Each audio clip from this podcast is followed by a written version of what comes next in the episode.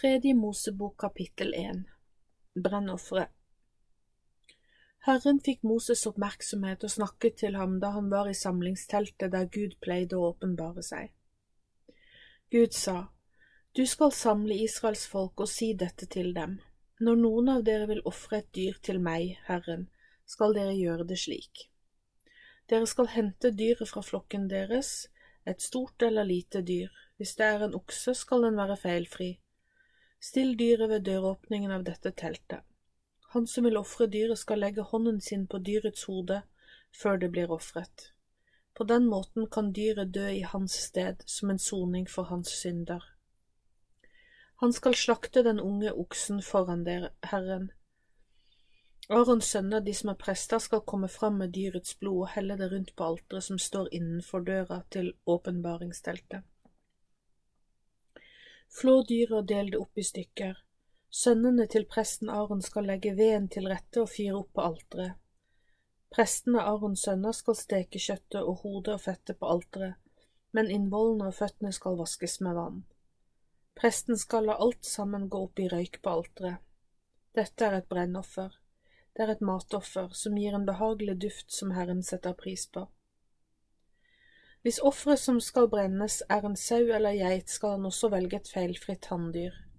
Han skal slakte dyret foran Herren på nordsiden av alteret, og blodet skal presten helle rundt på alteret, slik han gjorde med okseblodet. Han skal dele dyret opp i stykker, både med hodet og fettet.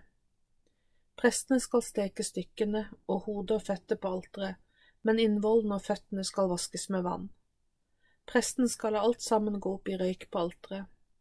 Det er et brennoffer, et matoffer, og det gir en behagelig duft som Herren setter pris på. Hvis han som ofrer velger seg en fugl som offergave, så skal han komme med en turteldue eller en annen ung due. Presten skal bære fuglen fram til alteret, vri hodet av og klemme blodet ut av den og la det renne ut på siden av alteret.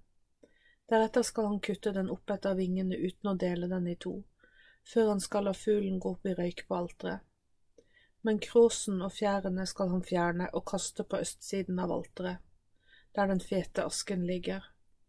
Dette er et brennoffer, et matoffer, det gir en behagelig duft som Herren setter pris på.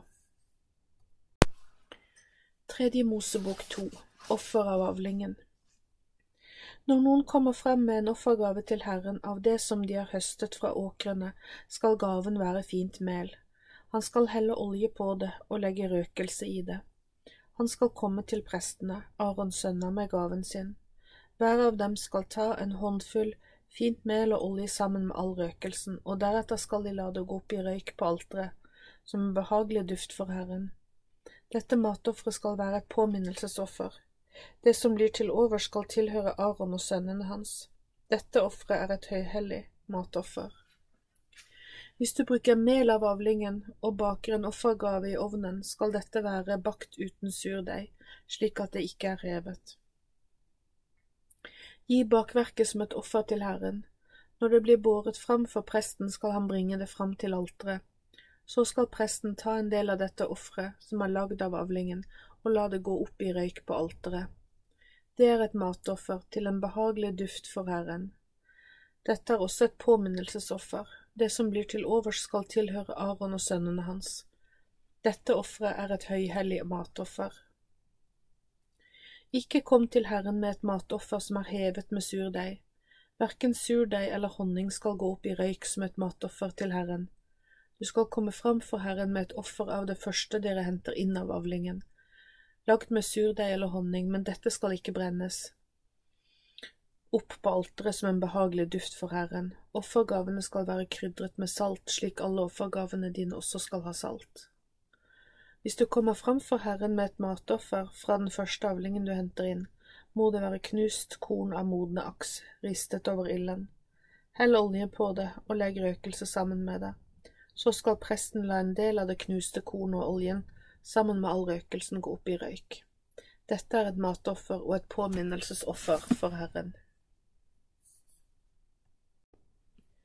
Tredje Mosebok tre Et offer for fred Når dere ønsker å ofre noe for å få fred, skal offeret komme fra okse eller ku, og det skal være feilfritt. Den som ofrer skal legge hånden på hodet til offeret sitt og slakte det ved døren til åpenbaringsteltet. Arons sønner, prestene, skal dryppe blodet rundt på alteret. Et slikt fredsoffer skal også være et matoffer. Fettet rundt og på innvollene, begge nyrene og fettet ved hoftene, og fettlappen som er festet til leveren over nyrene. Alt dette skal brukes som matoffer, og prestene skal la dette gå opp i røyk på alteret sammen med det andre brennofferet, som ligger på veden over ilden. Dette vil gi en behagelig duft for Herren. Hvis offergaven for fred er et mindre dyr, så skal det også være feilfritt. Dersom et lam skal ofres, skal den som ofrer legge hånden på hodet til offeret sitt og slakte det foran åpenbaringsteltet. Arons sønner skal dryppe blodet rundt på, omkring på alteret. Også dette skal være et matoffer for Herren. Fettet, hele fetthalen, skal han ta ut like ved ryggbeinet og fettet som dekker innvollene, og alt fettet som er på innvollene, begge nyrene og fettet som er på dem ved hoftene, og fettlappen som er festet til leveren over nyrene skal tas ut, og prestene skal la det gå opp i røyk. Hvis offergaven hans er en geit, skal han komme til Herren med det. Den som ofrer skal legge hånden sin på geitas hode og slakte den foran åpenbaringsteltet. Arons sønner skal dryppe blod rundt omkring på alteret. Deretter skal han ta fettet i og rundt innvollene, sammen med begge nyrene og fettet ved hoftene og fettlappen ved leveren over nyrene, og gi dette som sin offergave. Det er et matoffer til Herren, Presten skal la dette gå opp i røyk, for matofferet gir en behagelig duft for Herren. Herren skal få alt fettet, for det er hans. Dere skal ikke spise noe fett eller noe blod. Dette skal gjelde til alle tider for alle slektene etter dere, overalt hvor dere bor. Tredje Mosebok fire Et offer for å bli renset Herren sa til Moses, Dette skal du si til Israels folk. Hvis noen forviller seg bort fra det som er Guds vilje og bud, og dermed gjør noe som er forbudt, og synder mot Gud, da skal han i anger ofre til Herren. Hvis det er presten selv som har syndet, så skal han også han komme med en feilfri ung okse som et offer for sine synder, for den synd han har begått mot Herren. Han skal føre oksen fram til døren i åpenbaringsteltet, der skal han legge hånden på hodet til oksen og slakte oksen for Herrens ansikt. Så skal den salvede presten ta noe av blodet fra oksen og føre det fram til åpenbaringsteltet. Han skal dyppe fingeren sin i blod og skvette noe av blodet sju ganger foran forhenget til helligdommen, framfor Herrens ansikt. Noe av blodet skal strykes på hornene til alteret der den duftende røkelsen stiger opp til Herren. Dette skjer i åpenbaringsteltet. Resten av blodet fra oksen skal han helle ut ved foten av brennofferalteret som står ved døren til åpenbaringsteltet. Alt fettet fra oksen skal han sette til side, både fettet som er i og rundt innvollene, og begge nyrene og fettet ved hoftene og fettlappen som er festet til leveren og over nyrene. Alt skal han ta ut. Han skal gjøre dette med renselsesofferet, slik han gjorde det med fredsofferet. Presten skal la det gå opp i røyk på brennofferalteret. Men huden av, oks, av oksen og alt kjøttet på den, med hodet, beina, innvollene og tarminnholdet, hele oksen skal han bære ut til et rent sted utenfor leiren, der asken tømmes ut. Der skal han brenne den på ved med ild. Der asken tømmes ut, skal den brennes. Hvis hele Israels menighet forviller seg bort fra Guds vilje og synder, og de ikke ser dette selv, så er de likevel skyldige dersom de har brutt noen av Herrens bud. Når synden blir kjent, skal de komme fram for Herren med en ung okse som offer for sin synd. Denne skal de føre fram foran åpenbaringsteltet. Så skal de eldste i menigheten legge hendene på oksens hode og slakte den foran Herren selv. Også noe av blodet fra dette dyret skal presten ta med til åpenbaringsteltet dyppe fingeren i blodet og skvette det sju ganger foran forhenget framfor Herrens ansikt. Noe av blodet skal han stryke på hornene til alteret inne i åpenbaringsteltet, og resten skal han helle ut ved foten av brennofferalteret ved døren til åpenbaringsteltet. Alt fettet av oksen skal han sette til side og la gå opp i røyk på alteret. Han skal også gjøre med denne oksen som han gjorde med oksen til offer for synd. Slik skal presten gjøre soning og be om tilgivelse i deres sted, og det skal bli tilgitt dem. Også denne oksen skal bæres utenfor leiren og brennes opp slik han brente opp den første oksen. Det er et offer for menighetens synd. Når en høvding har gjort noe det er forbudt å gjøre og slik syndet mot Herren, siden han har brutt hans bud og ikke gjort det som er Guds vilje, ja, enten han vet det selv eller får høre det av andre, så skal han bringe fram en geitekilling som et offer. Det skal være et feilfritt tanndyr. Han skal legge hånden på hodet til geita og slakte den på det stedet der det, de slakter brennoffer for Herren. Det er et offer for synd. Presten skal ta noe av blodet fra offeret på fingeren, stryke det på hornene til brennofferalteret og helle ut blodet ved foten av brennofferalteret. Alt fettet skal han la gå opp i røyk på alteret, på samme måte som fettet og de andre ofrene. Presten skal be om tilgivelse på vegne av høvdingen, og synden skal bli tilgitt ham. Hvis noen av landets folk kommer bort fra Guds vilje og gjør noe som er imot Guds bud, da er han også skyldig i å ha begått synd. Enten han selv er klar over det, eller synden han har gjort er blitt fortalt ham av andre, skal han føre fram en geitekilling som et offer for sin synd. Han skal velge et feilfritt hunndyr og ofre det for den synd han har gjort.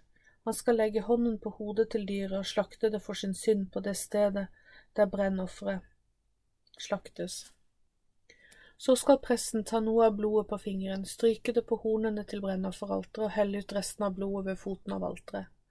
Alt fettet skal han ta ut, slik fettet blir tatt ut på fredsofferet.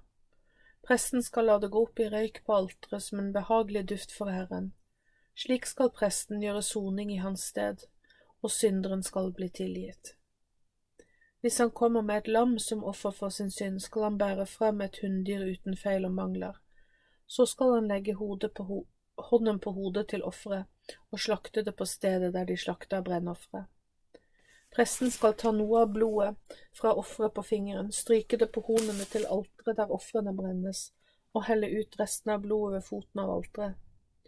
Alt fettet skal han ta ut, slik også fettet på lammet til fredsofferet blir tatt ut.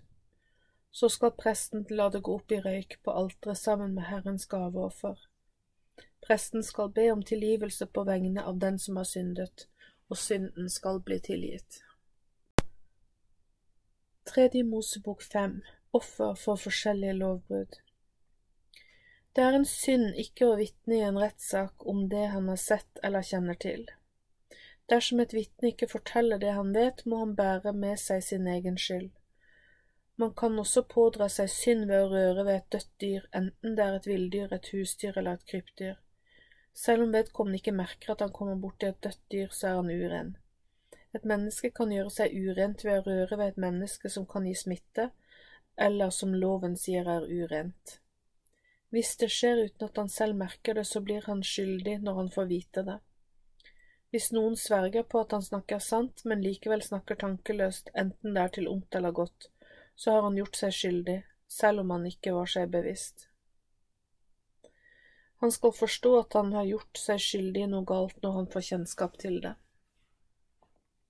Hvis noen gjør seg skyldig i noe av dette, da skal han bekjenne det. Deretter skal han gå til Herren med et offer for synden sin.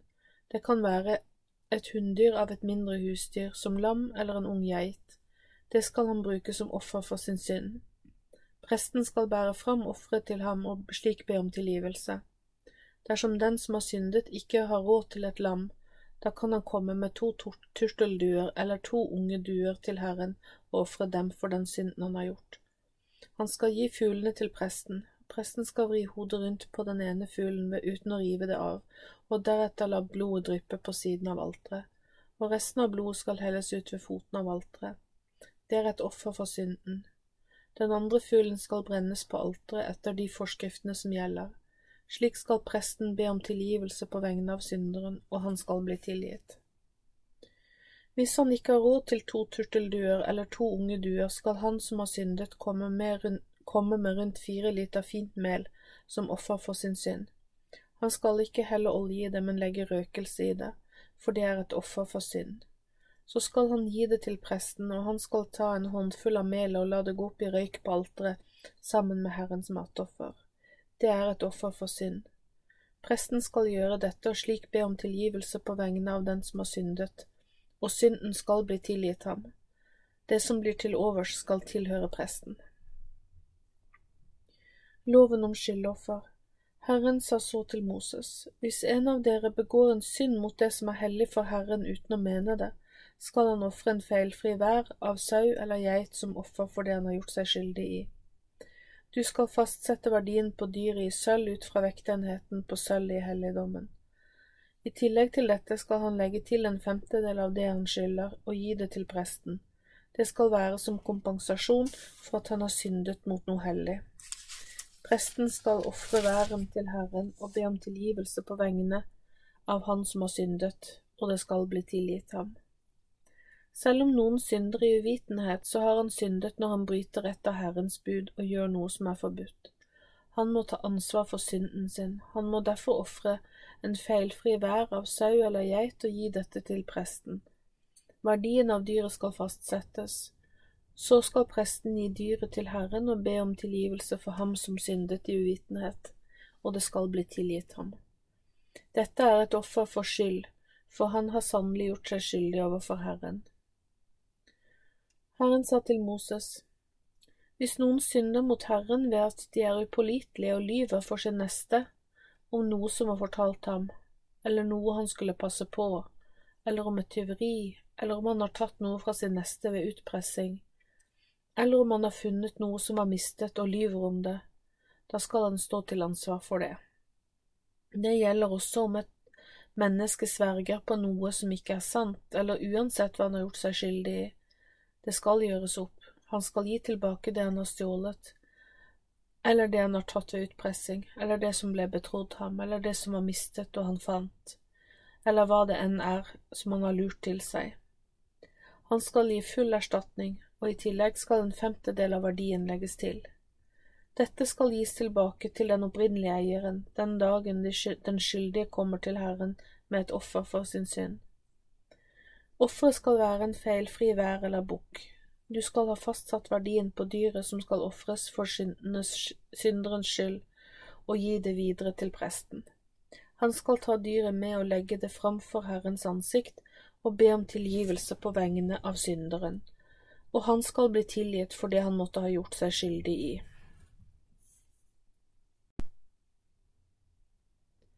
Tredje Mosebok seks Loven om brennoffer så sa Herren dette til Moses, Denne befaling skal du gi Aron og sønnene hans. Dette er loven om brennofferet. Brennofferet skal bli liggende hele natten og helt til morgenen der det er blitt brent på alteret. Hold ilden ved like. Presten skal kle på seg kort bukse av lin nærmest kroppen, og utenpå skal han kle på seg kjortelen som er lagd av lin. Deretter skal han ta bort asken etter offeret som ligger oppbrent på alteret, og legge det ved siden av. Deretter skal presten ta på seg andre klær før han bærer asken utenfor leiren til et rent sted. Ilden på alteret skal holdes brennende, for den må ikke slokne. Presten skal fyre opp ved hver morgen, og så skal han legge brennofferet til rette på det. Han skal også la fettet som er blitt ofret, gå opp i røyk på alteret. Loven om ofre fra markens grøde Dette er loven om ofre som blir hentet av markens grøde. Arons sønner skal komme fram med det på alteret for Herrens ansikt. Han skal ta en håndfull av det fine melet som er gitt som offer, og sammen med røkelsen som følger med dette offeret og oljen, skal han la det gå opp i røyk på alteret som en behagelig duft. Dette offeret er et påminnelsesoffer til Herren. Det melet som blir til overs, skal Aron og sønnene hans spise. Det skal ikke bakes med surdeig, og det skal spises på et hellig sted, i forgården til åpenbaringsteltet. Det er den delen av ofrene som jeg vil dele med dere. Mine matoffer er høyhellige, på samme måte som ofrene for synd og skyld. Alle gutter og menn i Arons slekt kan spise det, og dette skal være en lov som skal gjelde til evig tid og for alle slekter etter deg. Enhver som rører ved disse ofrene skal være hellig. Herren sa videre til Moses, Dette er offergaven som Aron og hans sønner skal komme fram til Herren med den dagen de blir salvet. Fire liter fint mel skal de ofre daglig, halvparten om morgenen og halvparten om kvelden. De skal blande det med olje og forme det som en flat kake, før det deretter skal gis som offer. Når dette blir bakt, blir det til en behagelig duft for Herren. Den som er salvet til prest, skal ofre dette, og det skal være en evig lov for Herren. Det skal gå helt opp i røyk. For hvert offer fra markens avling som en prest gir, skal ofres helt, for det skal ikke spises. Lovens om offer for synd Herren fortsatte å tale til Moses. Si til Aron og sønnene hans, dette er loven om offer for synd, det som skal rense dere. På det stedet der brennofferet slaktes, skal også syndofferet slaktes. Det skal gjøres foran Herrens ansikt, det er høyhellig. Presten som ofrer det for synd, skal spise av offeret på et hellig sted, i forgården til åpenbaringsteltet. Hver den som rører ved kjøttet skal være hellig. Når det skvettes blod på et klesplagg, skal det vaskes på et hellig sted. Leirgryta som kjøttet blir kokt i, skal knuses. Hvis kjøttet blir kokt i et kar av bronse, skal det både skures og skylles med vann. Enhver mannlig prest kan spise det. Det er høyhellig. Dersom blodet av et syndoffer bæres inn i åpenbaringsteltet, og det gjøres soning i helligdommen, skal ikke dette kjøttet spises, men brennes på ilden.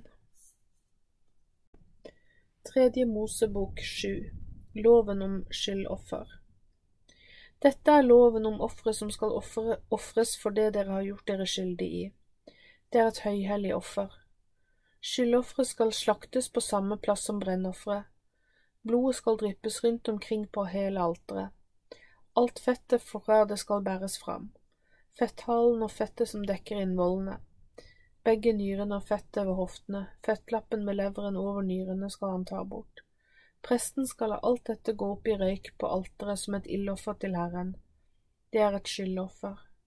Enhver mannlig prest kan spise det, det skal spises på et hellig sted, det er høyhellig. Den samme loven skal gjelde både for syndoffer og skyldofre, det tilhører presten som gjør soning ved det. Presten som kommer fram med et brennoffer for noen, skal kunne ta huden av brennofferet han har kommet fram med, også hvert bakverk som er gitt som offer av markens grøder som er blitt bakt i en ovn eller stekt i en panne, skal tilhøre den presten som kommer fram med det. Ethvert offer som er gitt av markens grøde, enten det er blandet med olje eller det er tørt, skal tilhøre alle Arons sønner. De skal dele likt på det. Loven om fredsoffer Dette er loven om ofringen av fredsoffer. Fredsofferet skal også gis sammen med takkoffer av kaker og brød uten surdeig, men med olje som er smurt med, olje, med, med, med olje eller som er smurt med olje. Sammen med fredsofferet av kjøtt og takkofferet av uhevet brød skal han også komme med hevet brød som en del av sin offergave. For hver offergave skal presten få en kake, de som utfører ofringen og drypper blod fra fredsofferet. Kjøttet av fredsofre som bæres fram til takkoffer, skal spises samme dag som de blir ofret. Han skal ikke la noe bli igjen til neste morgen. Også offer som gis som et løfteoffer eller et frivillig offer, skal spises samme dag som det ofres, men det som blir til overs, kan også spises neste dag. Den tredje dagen må det som er til overs av offerkjøttet, brennes opp. Hvis noe av kjøttet fra fredsofferet likevel spises på den tredje dagen, kan det ikke lenger regnes som et godkjent offer. Da er det urent, og den som spiser av det gjør seg skyldig i en ugjerning. Det kjøttet som kommer nær noe urent, skal ikke spises, men brennes. Når det gjelder annet kjøtt, kan alle som er rene, spise det. Men en uren som spiser kjøtt fra et fredsoffer som tilhører Herren,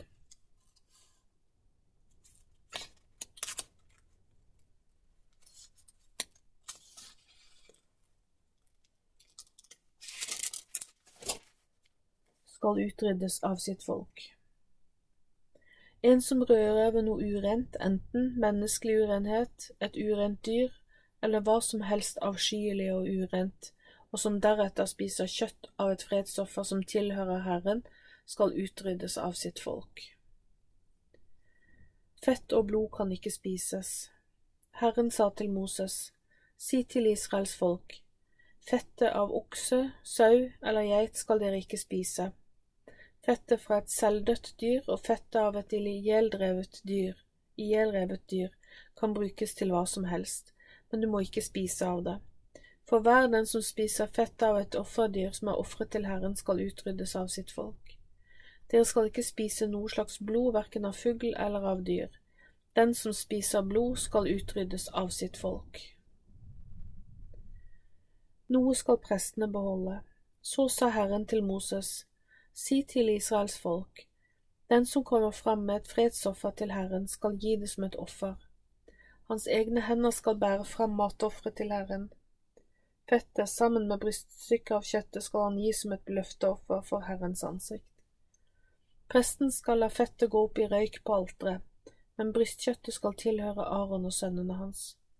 Også det høyre låret skal gis presten som en gave av fredsofferet deres. Den presten som bærer fram blodet fra fredsofferet og fettet, skal ha det høyre låret som sin del.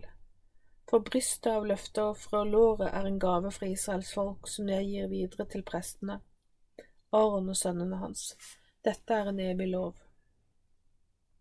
Dette er den innviede delen som Aron og sønnene hans skal ha fra Herrens matoffer, den som ble gitt den dagen de ble stilt fram, for å være prester for Herren. På den dagen Herren salvet dem til prestetjeneste, befalte han Israels folk at dette skulle gis til prestene dette er en evig lov for hele etterslekten.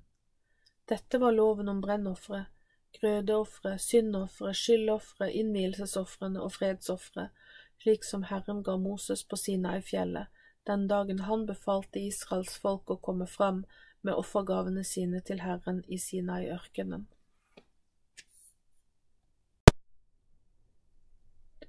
Tredje Mosebok åtte Aron og sønnene blir innviet til prestetjeneste. Herren sa til Moses, hent Aron og sønnene hans, hent klær, salveolje, en okse til å til ofre for synd, to værer og en kurv med brød uten surdeig. Deretter skal du samle hele menigheten ved døren til åpenbaringsteltet. Moses gjorde som Herren hadde befalt. Menigheten samlet seg ved døren til åpenbaringsteltet, og Moses sa til menigheten, dette har Herren befalt oss å gjøre. Så ble Aron og sønnene hans ført fram for Moses, og de ble vasket med vann. Moses tok unna kjortelen på Aron og bandt beltet rundt ham. Han kledde på ham over kjortelen og prestekappen, også kalt efod. Han bandt rundt ham kunstvevd, et kunstvevd belte til efoden, og slik festet han den. Så satte han på brystduken og la Urim og Tumim i den.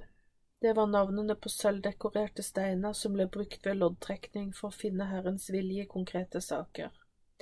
Og han satte hodeplagget, også kalt mitraen, på hodet hans. På mitraens forside satte Moses gullplaten, det hellige diadem slik Herren hadde befalt ham. Moses tok også salveoljen og salvet tabernaklet og alt som var i det, og overga det til bruk i Guds tjeneste. Han skvettet litt olje på alteret sju ganger, og slik salvet han det, og alle redskapene som hørte til det. Dette gjorde han også med karet som ble brukt, slik at det også ble renset. Moses helte deretter noe av salveoljen på hodet til Aron, slik at han ble salvet og helliget til tjeneste. Så fikk Moses fram Arons sønner og lot dem ta på seg underkjortlene, bandt beltene rundt dem og satte hodeplagene på dem slik Herren hadde befalt ham. Så kom han fram med oksen som skulle ofres for synd. Aron og sønnene hans la hendene sine på oksens hode mens den ble slaktet. Så tok Moses blodet og strøk det med fingeren rundt på hornene til alteret, slik ble alteret renset. Han helte resten av blodet ut ved foten av alteret, slik at alteret ble innviet til tjeneste. Så tok Moses alt fettet som var på innvollene, fettlappen som var festet til leveren og begge nyrene sammen med fettet på dem, og lot det gå opp i røyk på alteret. Men selve oksen, huden av den, kjøttet og tarminnholdet brente han opp utenfor leiren slik Herren hadde befalt ham. Så kom han fram med væren til brennofferet. Aron og sønnene hans la hendene sine på hodet til væren, og så ble det slaktet. Moses tok av blodet og lot det dryppe rundt på alteret. Selve dyret delte han opp i stykker. Moses lot hodet, stykkene og fettet gå opp i røyk. Deretter vasket han innvollene og føttene i vann. Moses lot hele væren gå opp i røyk på alteret. Det var et brennoffer og et matoffer som ga en behagelig duft for Herren, slik Herren hadde befalt ham. Så kom han fram med den andre væren, også denne ble ofret som et tegn på innvielse. Aron og sønnene, la hendene sine på hodet til væren, og så ble den slaktet. Moses tok da noe av blodet og strøk det på Arons høyre øreflipp, på den høyre tommelfingeren hans og på den høyre stortåen hans. Det samme gjorde han med Arons sønner. Deretter lot Moses blodet dryppe rundt på alteret. Så tok han fettet og fetthalen og alt fettet som var på innvollene, fettlappen som var festet til leveren, begge nyrene og fettet på dem, og det høyre låret. I tillegg til dette tok Moses en kake uten surdeig, en kake med olje og en brødleiv smurt med olje fra kurven av det bakverket som var gitt som offer. Han la dette oppå fettet og det høyre låret og la dette i hendene på Aron og sønnene hans. De løftet det opp som et svingoffer for Herrens ansikt. Deretter tok Moses alt dette ut av hendene på dem og lot det gå opp i røyk på alteret sammen med brennofferet. Det var et innvielsesoffer og et gaveoffer som ga en behagelig duft for Herren. Moses tok brystet og løftet det som et svingoffer for Herrens ansikt. Det var Moses del av innvielsesværen, slik Herren hadde befalt ham. Deretter tok Moses noe av salveoljen og noe av blodet som var på alteret, og lot det dryppe over Aron og sønnen hans og på klærne deres. Slik innviet han Aron og sønnene med klesdraktene til deres til tjeneste for Herren. Moses sa til Aron og sønnene, Kok kjøttet ved døren til åpenbaringsteltet og spis det der sammen med brødet som er i kurven med innvielsesofferet, slik jeg har sagt tidligere. Det som blir til overs av kjøttet og brødet skal dere brenne opp. I sju dager skal dere ikke gå utenfor døren til åpenbaringsteltet. Først da er dagene for innvielsen deres til ende. Nettopp slik har Herren befalt at det skal gjøres, for å gjøre soning for syndene deres. Dere skal bli værende ved døren til åpenbaringsteltet, dag og natt i sju dager. Dere skal holde dere til det Herren har sagt, slik at dere ikke skal dø, for det er jeg blitt befalt. Så gjorde Aron og sønnene hans alt det Herren hadde befalt dem gjennom Moses. Tredje Mosebok ni Arons offer og Herrens ild etter sju dagers innvielsesseremoni skjedde dette på den åttende dagen. Da kalte Moses Aron, sønnene hans og Israels ledere til seg. Moses sa til Aron, Ta deg en ung okse som offer for synd, og en vær til brennoffer. De skal være feilfrie, og du skal komme frem med dem for Herrens ansikt. Du skal si til Israels folk, Ta en geitebukk til offer for synd, og en kalv og et lam som er ett år gamle og feilfrie. Brenn disse på offeralteret. Dere skal også ofre okse og vær. Disse skal dere ofre for fred. Dere skal også ofre av det som dere har høstet inn fra marken, og blandet mel med olje. For i dag vil Herren vise seg for dere.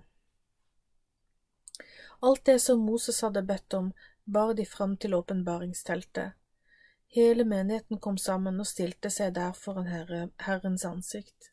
Da sa Moses, Dette har Herren befalt dere å gjøre, og han vil vise dere sin herlighet.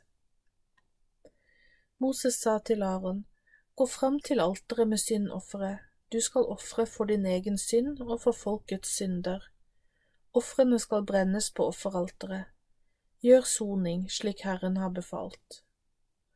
Da gikk Aron fram til alteret og slaktet den kalven som var til offer for ham selv. Sønnene kom fram med blodet fra offerdyret.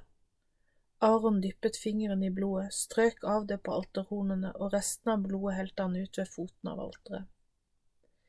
Men fettet, nyren og fettlappen fra leveren lot han gå opp i røyk på alteret, slik som Herren hadde befalt Moses. Kjøttet og huden brente han opp utenfor leiren. Han slaktet offeret som skulle brennes, og sønnene kom med blodet til ham. Dette lot Aron dryppe rundt på alteret. Så kom de med kjøttet som skulle brennes på alteret, og der lot Aron det gå opp i røyk. Også innvollene og føttene ble vasket og gikk opp i røyk sammen med resten av offerkjøttet. Så skulle Aron ofre på vegne av folket. Bukken ble slaktet og ofret for folkets synder. Han ofret og brant opp det som etter forskriftene skulle ofres slik. Så kom han fram med offeret av jordens avling, tok en håndfull av det og lot det gå opp i røyk på alteret, i tillegg til morgenens brennoffer. Han slaktet også oksen og væren som fredsoffer for folket. Sønnene brakte blodet til ham, og han dryppet det rundt på alteret. De kom også med fettet fra oksen og væren, fetthalen, fettlaget, nyren over leverlappen. De la fettet på bryststykkene, så lot de fettet gå opp i røyk på alteret. Men bryststykkene og det høyre låret løftet Aron opp mot Gud som et svingoffer, slik som Moses hadde befalt ham å gjøre. Etter ofringen løftet Aron hendene mot folket og velsignet dem. Moses og Aron gikk inn i åpenbaringsteltet og kom ut igjen og velsignet folket. Så viste Herren sin herlighet for hele folket. Det for ild ut fra Herrens ansikt, og flammene fortærte brennofferet og fettet som lå på alteret. Da hele folket så det, ropte de høyt av glede og falt ned med ansiktet mot jorden. Tredje Mosebok ti Nadab og Abihu med fremmed ild To av Arons sønner, Nadab og Abihu, kom med hver sin glopanne og tente ild. De la røkelse på flammene, men det de bar fram var ikke innviet til Herren, det var bare noe de fant på selv. Dette hadde han ikke befalt dem, befalt dem å gjøre. Da for det ut ild fra Herrens ansikt, og de døde der. Moses sa til Aron, Dette er det Herren har talt om, han har sagt, alle de som kommer fram for meg skal holde meg hellig, jeg skal vise min herlighet framfor folket. Da ble Aron stille. Moses kalte så på Mishael og Elsafan, Arons søskenbarn og sønner av onkel Usiel, bror til deres far, og sa til dem, Kom hit og bær de døde brødrene deres bort fra dette hellige stedet og ut av leiren. Så kom de og bar dem bort og ut av leiren slik Moses hadde sagt. Moses sa til Aron og til sønnene Elasar og Itamar, Dere skal ikke ta hodeplagene av hodet deres eller rive klærne deres i stykker i sorg, for da skal dere dø og Herrens vrede vil ramme hele folket. Men alle deres slektninger, ja, hele Israels folk, skal klage over den brennende ilden Herren har tent. For at dere ikke skal dø, må dere ikke gå ut fra døren til åpenbaringsteltet, for dere har på dere Herrens salveolje. De gjorde det Moses hadde sagt. Bestemmelser for prestene. Så sa Herren til Moses for at dere ikke skal dø, hverken du eller dine sønner. Skal hverken du eller dine sønner drikke vin eller sterk drikk når dere går inn i åpenbaringsteltet. Det skal være en evig lov for hele slekten etter dere, slik at dere skal kunne skille mellom det som er hellig og uhellig, mellom det urene og det rene, og slik at dere skal lære Israels folk alle lovene som Herren har talt til dem gjennom Moses. Moses sa til Aron, Elasar og Itamar, og til dem som var igjen av hans sønner, Ta det offeret fra markens grøde og det som er til overs av Herrens matoffer, og spis det som er uten surdeig og som ligger ved siden av alteret, for det er høyhellig. Dere skal spise det på et hellig sted, for denne delen av offeret tilhører dere, slik har jeg blitt befalt. Brystet av svingofferet og låret av offergaven skal dere spise på et rent sted, du, dine sønner og dine døtre sammen med deg, for denne delen av offeret tilhører dere, og det er gitt som et offer for fred av Israels folk. Låret av gaven og brystet av svingofferet skal de føre fram sammen med alt fettet fra matofferet. Dere skal løfte det opp og svinge det mot Herren, det skal så tilhøre deg og dine sønner ved en evig lov slik Herren har befalt. Så forhørte Moses seg nøye om bukken som var gitt til renselse og offer for synd, og se, det var opprent. Da ble han sint på Elasar og Itamar, de som var igjen av Arons sønner, og han sa, Hvorfor har dere ikke spist syndofre på det hellige stedet, siden det er høyhellig? Gud ga det til dere for å bære bort menighetens skyld, og for å sone på vegne av folk innenfor Gud. Se, blod Blodet av offerdyret ble ikke båret innenfor, innenfor i helligdommen. Derfor skulle dere ha spist det på det hellige stedet, slik jeg har befalt. Aron sa til Moses, Se, i dag har de kommet fram med offer for synd og ofre som ble gitt til å brennes foran Herren. Likevel har alt dette rammet meg. Hvis jeg hadde spist syndoffer i dag, ville det vært godt i Herrens øyne. Moses likte at Aron tenkte slik. Tredje Mosebok elleve Loven om rene og urene dyr Herren sa dette til Moses og Aron. Dere skal si dette til Israels folk. Av dyrene på jorden kan dere spise de dyrene som har klover, kløvde klover og de som tygger drøv. Det gjelder ikke kamelen, fjellgrevlingen eller haren, for disse dyrene tygger drøv, men har ikke klover. De er urene for dere. Dere skal heller ikke spise svinekjøtt. Den har klover, men tygger ikke drøv. Den er også uren for dere. Kjøttet av disse dyrene skal dere ikke spise, og kommer dere over noen slike dyr som er døde, skal dere ikke røre dem, de er urene for dere. Av alt som er i vannet kan dere spise det som har finner og skjell, enten det kommer fra havet eller fra elvene. Men av alt det som myldrer i vannet, uansett hvilken levende skapning dere finner, men som ikke har finner eller skjell, skal dere holde dere langt unna. Dere må avsky slikt og slett ikke spise noe av det. Slike døde dyr må dere ikke røre. Disse fuglene skal dere ikke spise, men dere skal avsky dem. Ørnen, lammegribben, svartgribben, den røde glenten og alle slags falker, alle slags ravner, strutsen, uglen, måken og alle slags hauker, kattuglen, fiskeuglen og tårnuglen, snøuglen, pelikanen og åtselgribben, storken, alle slags hegrer, hærfuglen og flaggermusen. Alle flygende insekter som går på fire skal dere avsky, men dere kan spise de flygende insektene som kryper på alle fire de som har ledddelte bein ovenfor, føt overfor, ovenfor føttene, som de bruker til å hoppe på marken med. Dere kan også spise alle slags gresshopper, alle slags langhodede gresshopper, alle slags sirisser og alle slags vanlige gresshopper. Men alle flygende insekter som har fire bein, skal dere ikke spise. Urene dyr disse dyrene gjør dere urene, og enhver som rører slike dyr som er døde, skal regne seg som uren helt til, helt til kvelden. Åtsle av dyr som har, klov, som har hover, men ikke har kløvde klover, eller ikke tygger drøv, er også urene for dere. Enhver som rører slike dyr, skal være uren. Det gjelder også dyr som går på alle fire og som går på poter, for de er også urene for dere. Dersom dere bærer på åtsle av ett av disse dyrene skal han vaske klærne sine etterpå, for han er uren til kvelden. Disse skal også være urene for dere blant dyrene som kryper på jorden. Muldvarpen, musen og alle slags store firfisler. Gekkoen, den flekkede firfislen, firfislen, sandfirfislen og kamelonen.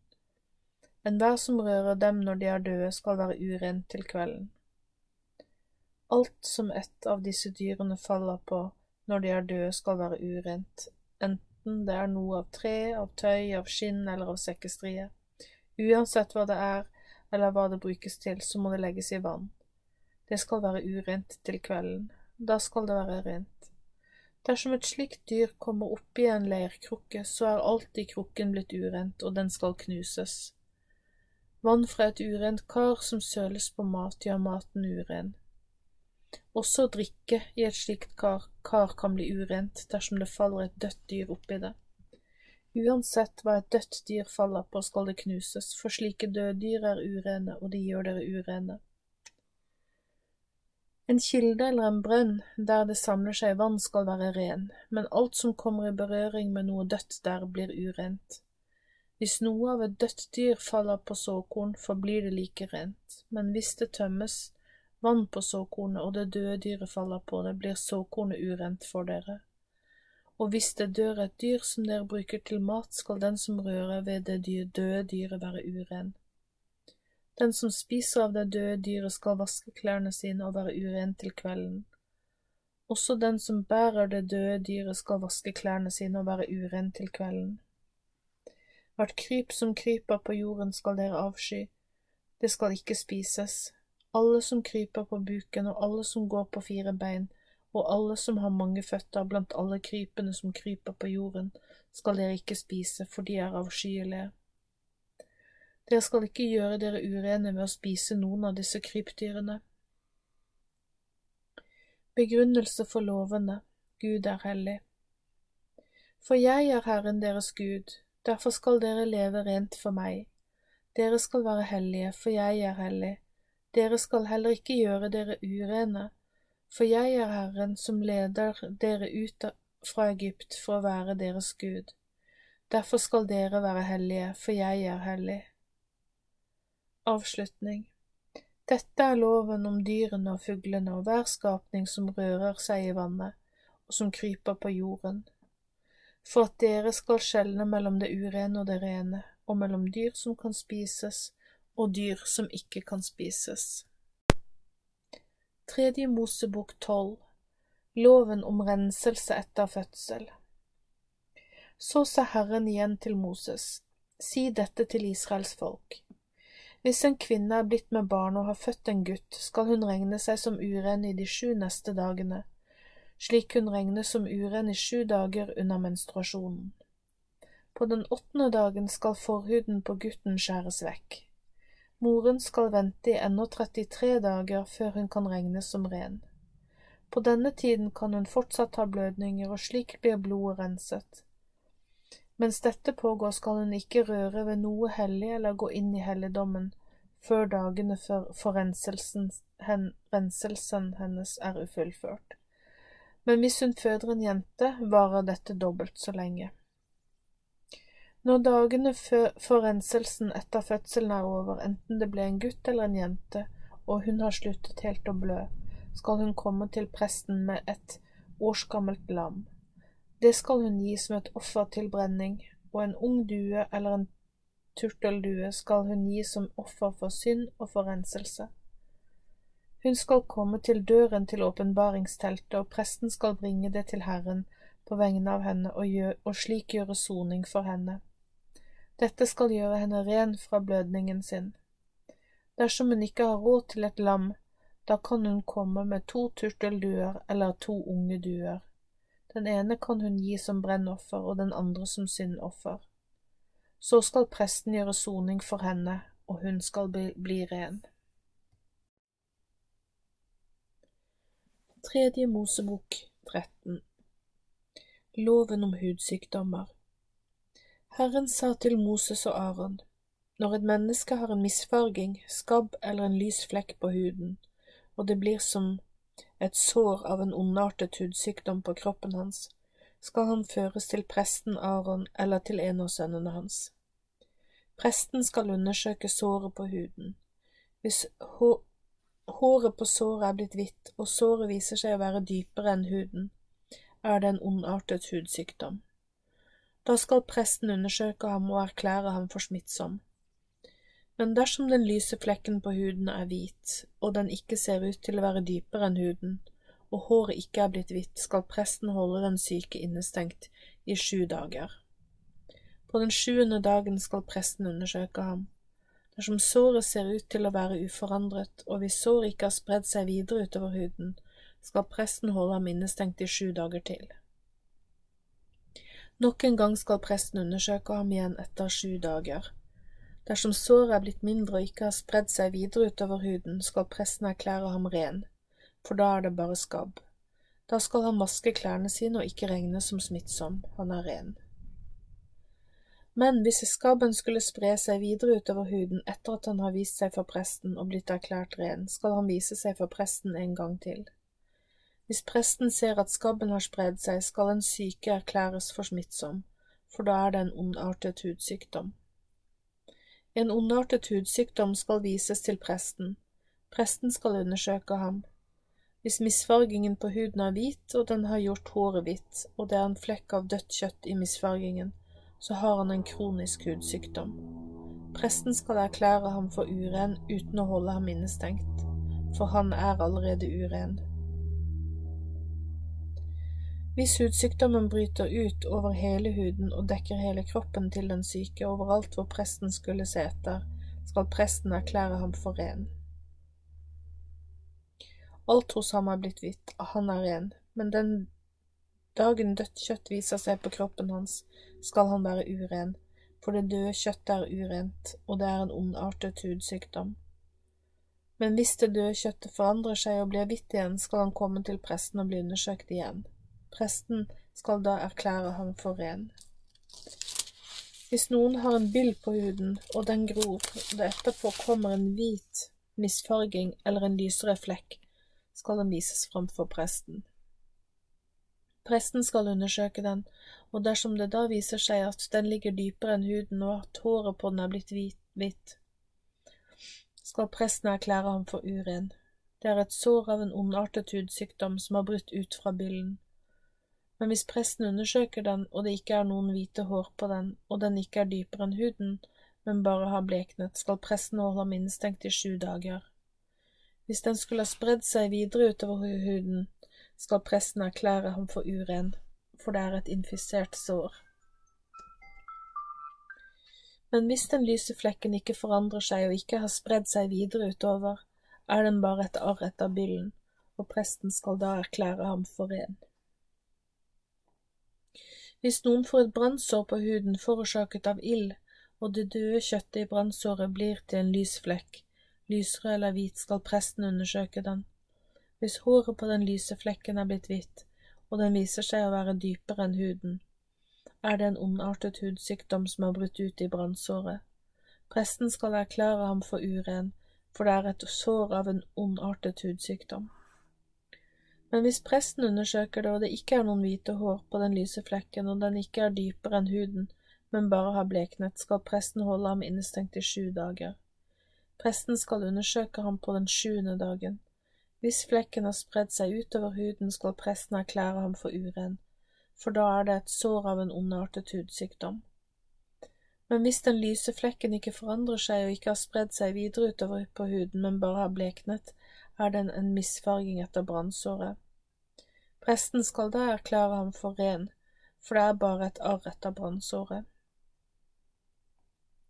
Hvis en mann eller en kvinne har et sår på hodet eller i skjegget, skal presten undersøke det.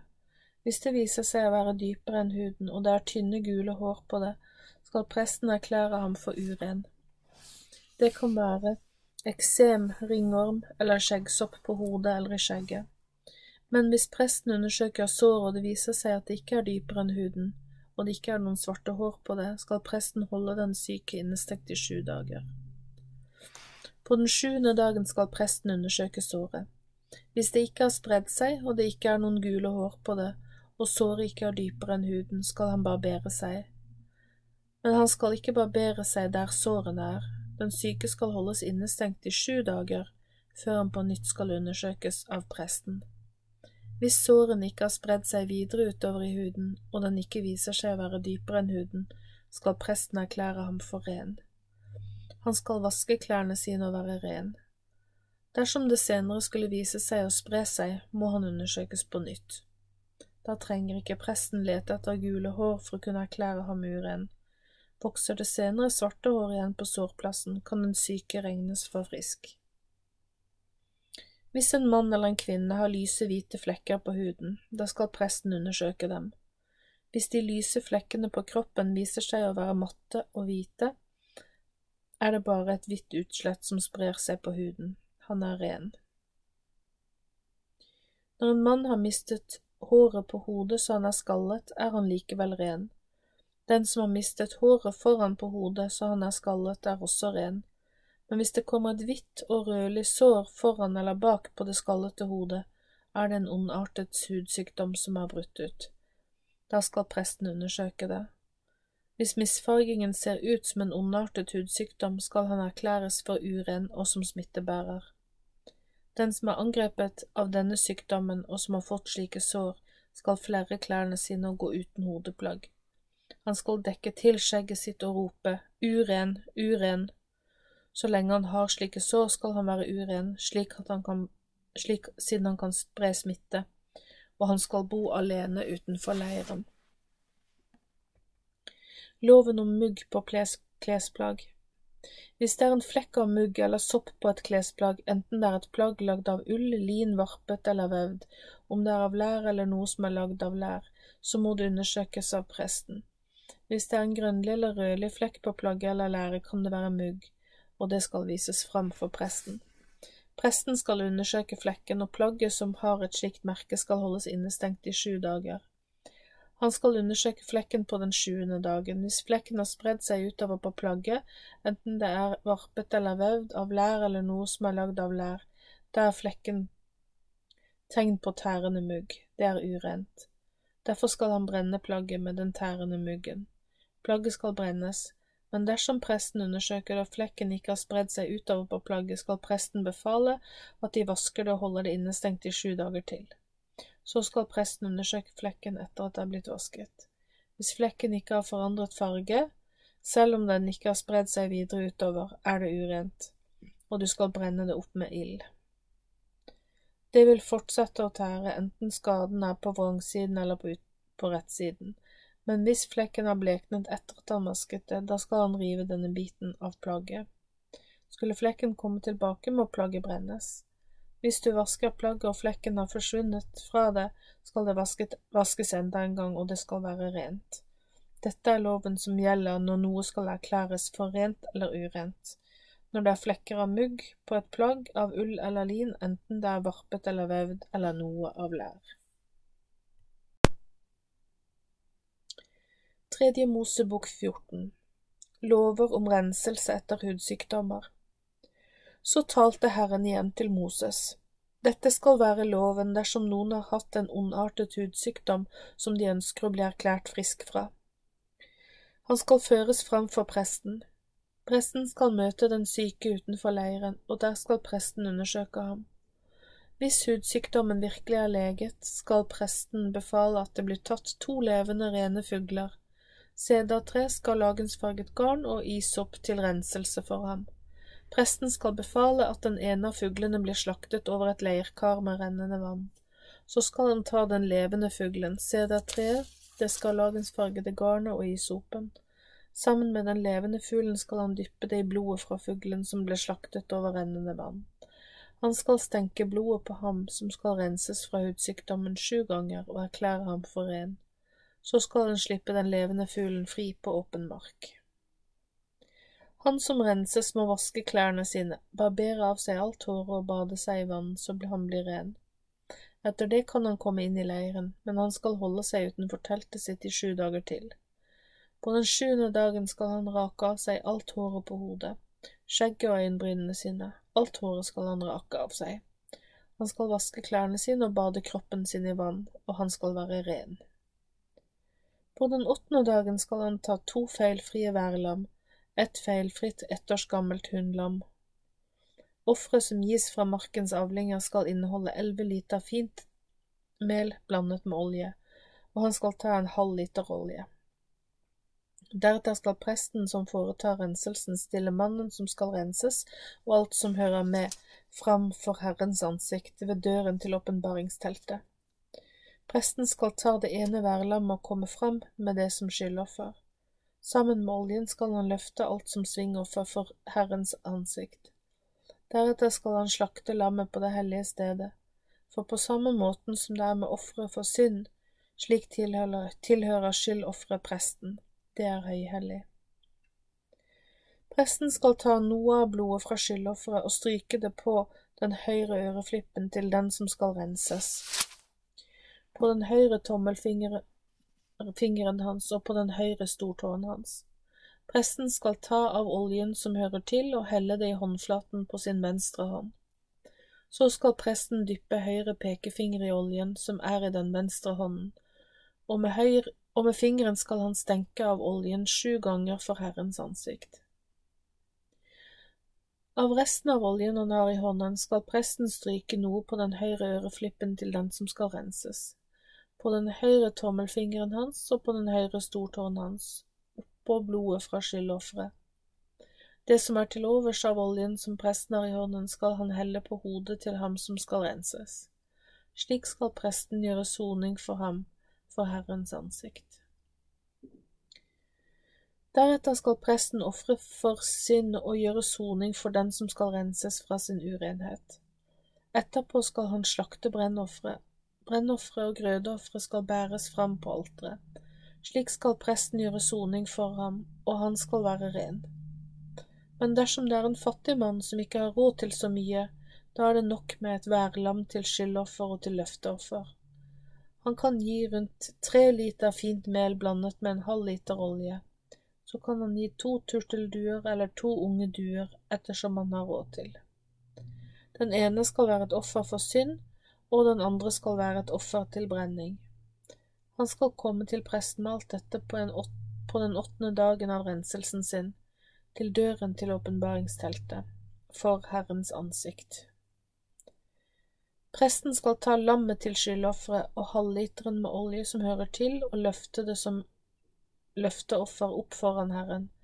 Så skal han slakte skyldofferlammet og ta av blodet fra skyldofferet og stryke det på den høyre øreflippen til den som skal renses, på den høyre tommelfingeren hans og på den høyre stortåen hans. Presten skal helle noe av oljen i håndflaten på sin venstre hånd. Med høyre finger skal presten la ta av oljen i sin venstre hånd og stenke den sju ganger foran Herrens ansikt. Noe av oljen han har i hånden skal presten stryke på den høyre øreflippen til ham som skal renses, på den høyre tommelfingeren hans og på den høyre stortåen hans, på samme sted som blodet av skyldofferet er. Det som er til overs av oljen som presten har i hånden, skal han helle på hodet til ham som skal renses, så det blir gjort soning for ham for Herrens ansikt. Så skal han ofre den ene av turtelduene eller de to eller de unge duene ettersom han har råd til. Den ene skal være til offer for synd og den andre til brennoffer, sammen med grødeofre. Presten skal gjøre soning for ham som skal renses.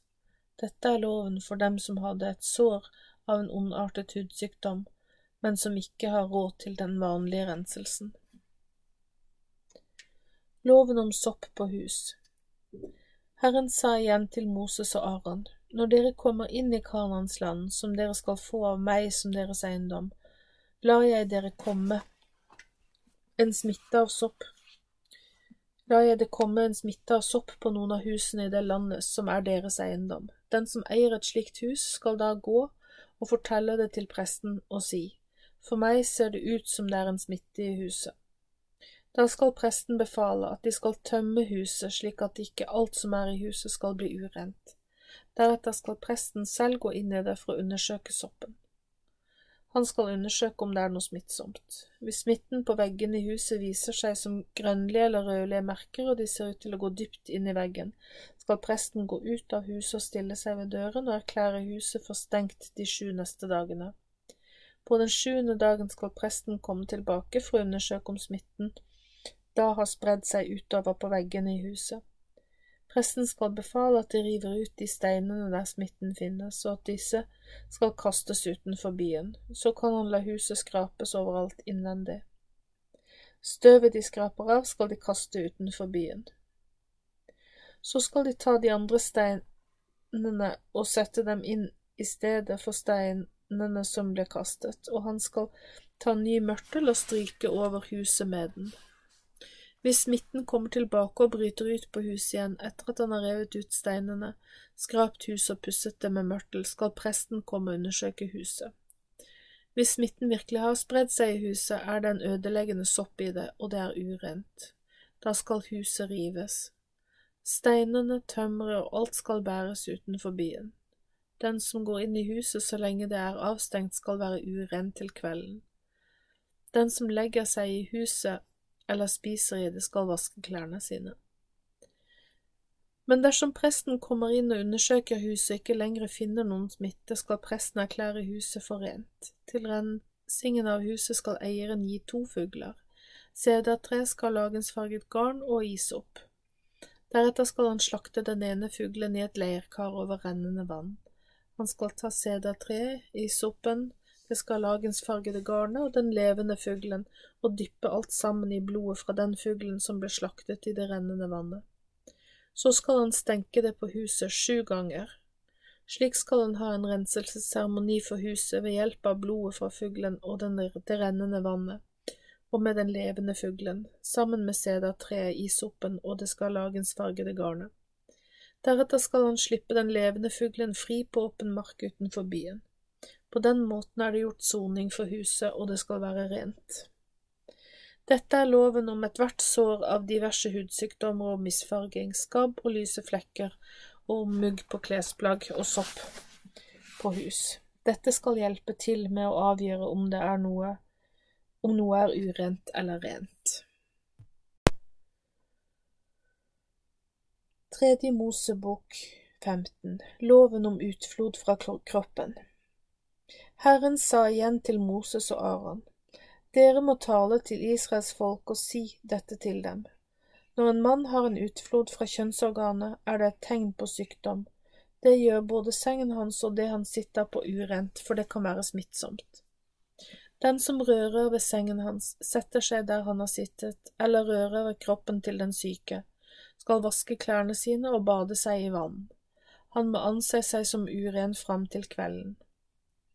Hvis den med utflod spytter på en som er ren, skal den han spyttet på vaske klærne sine og bade seg i vann. Han må anse seg som uren fram til kvelden.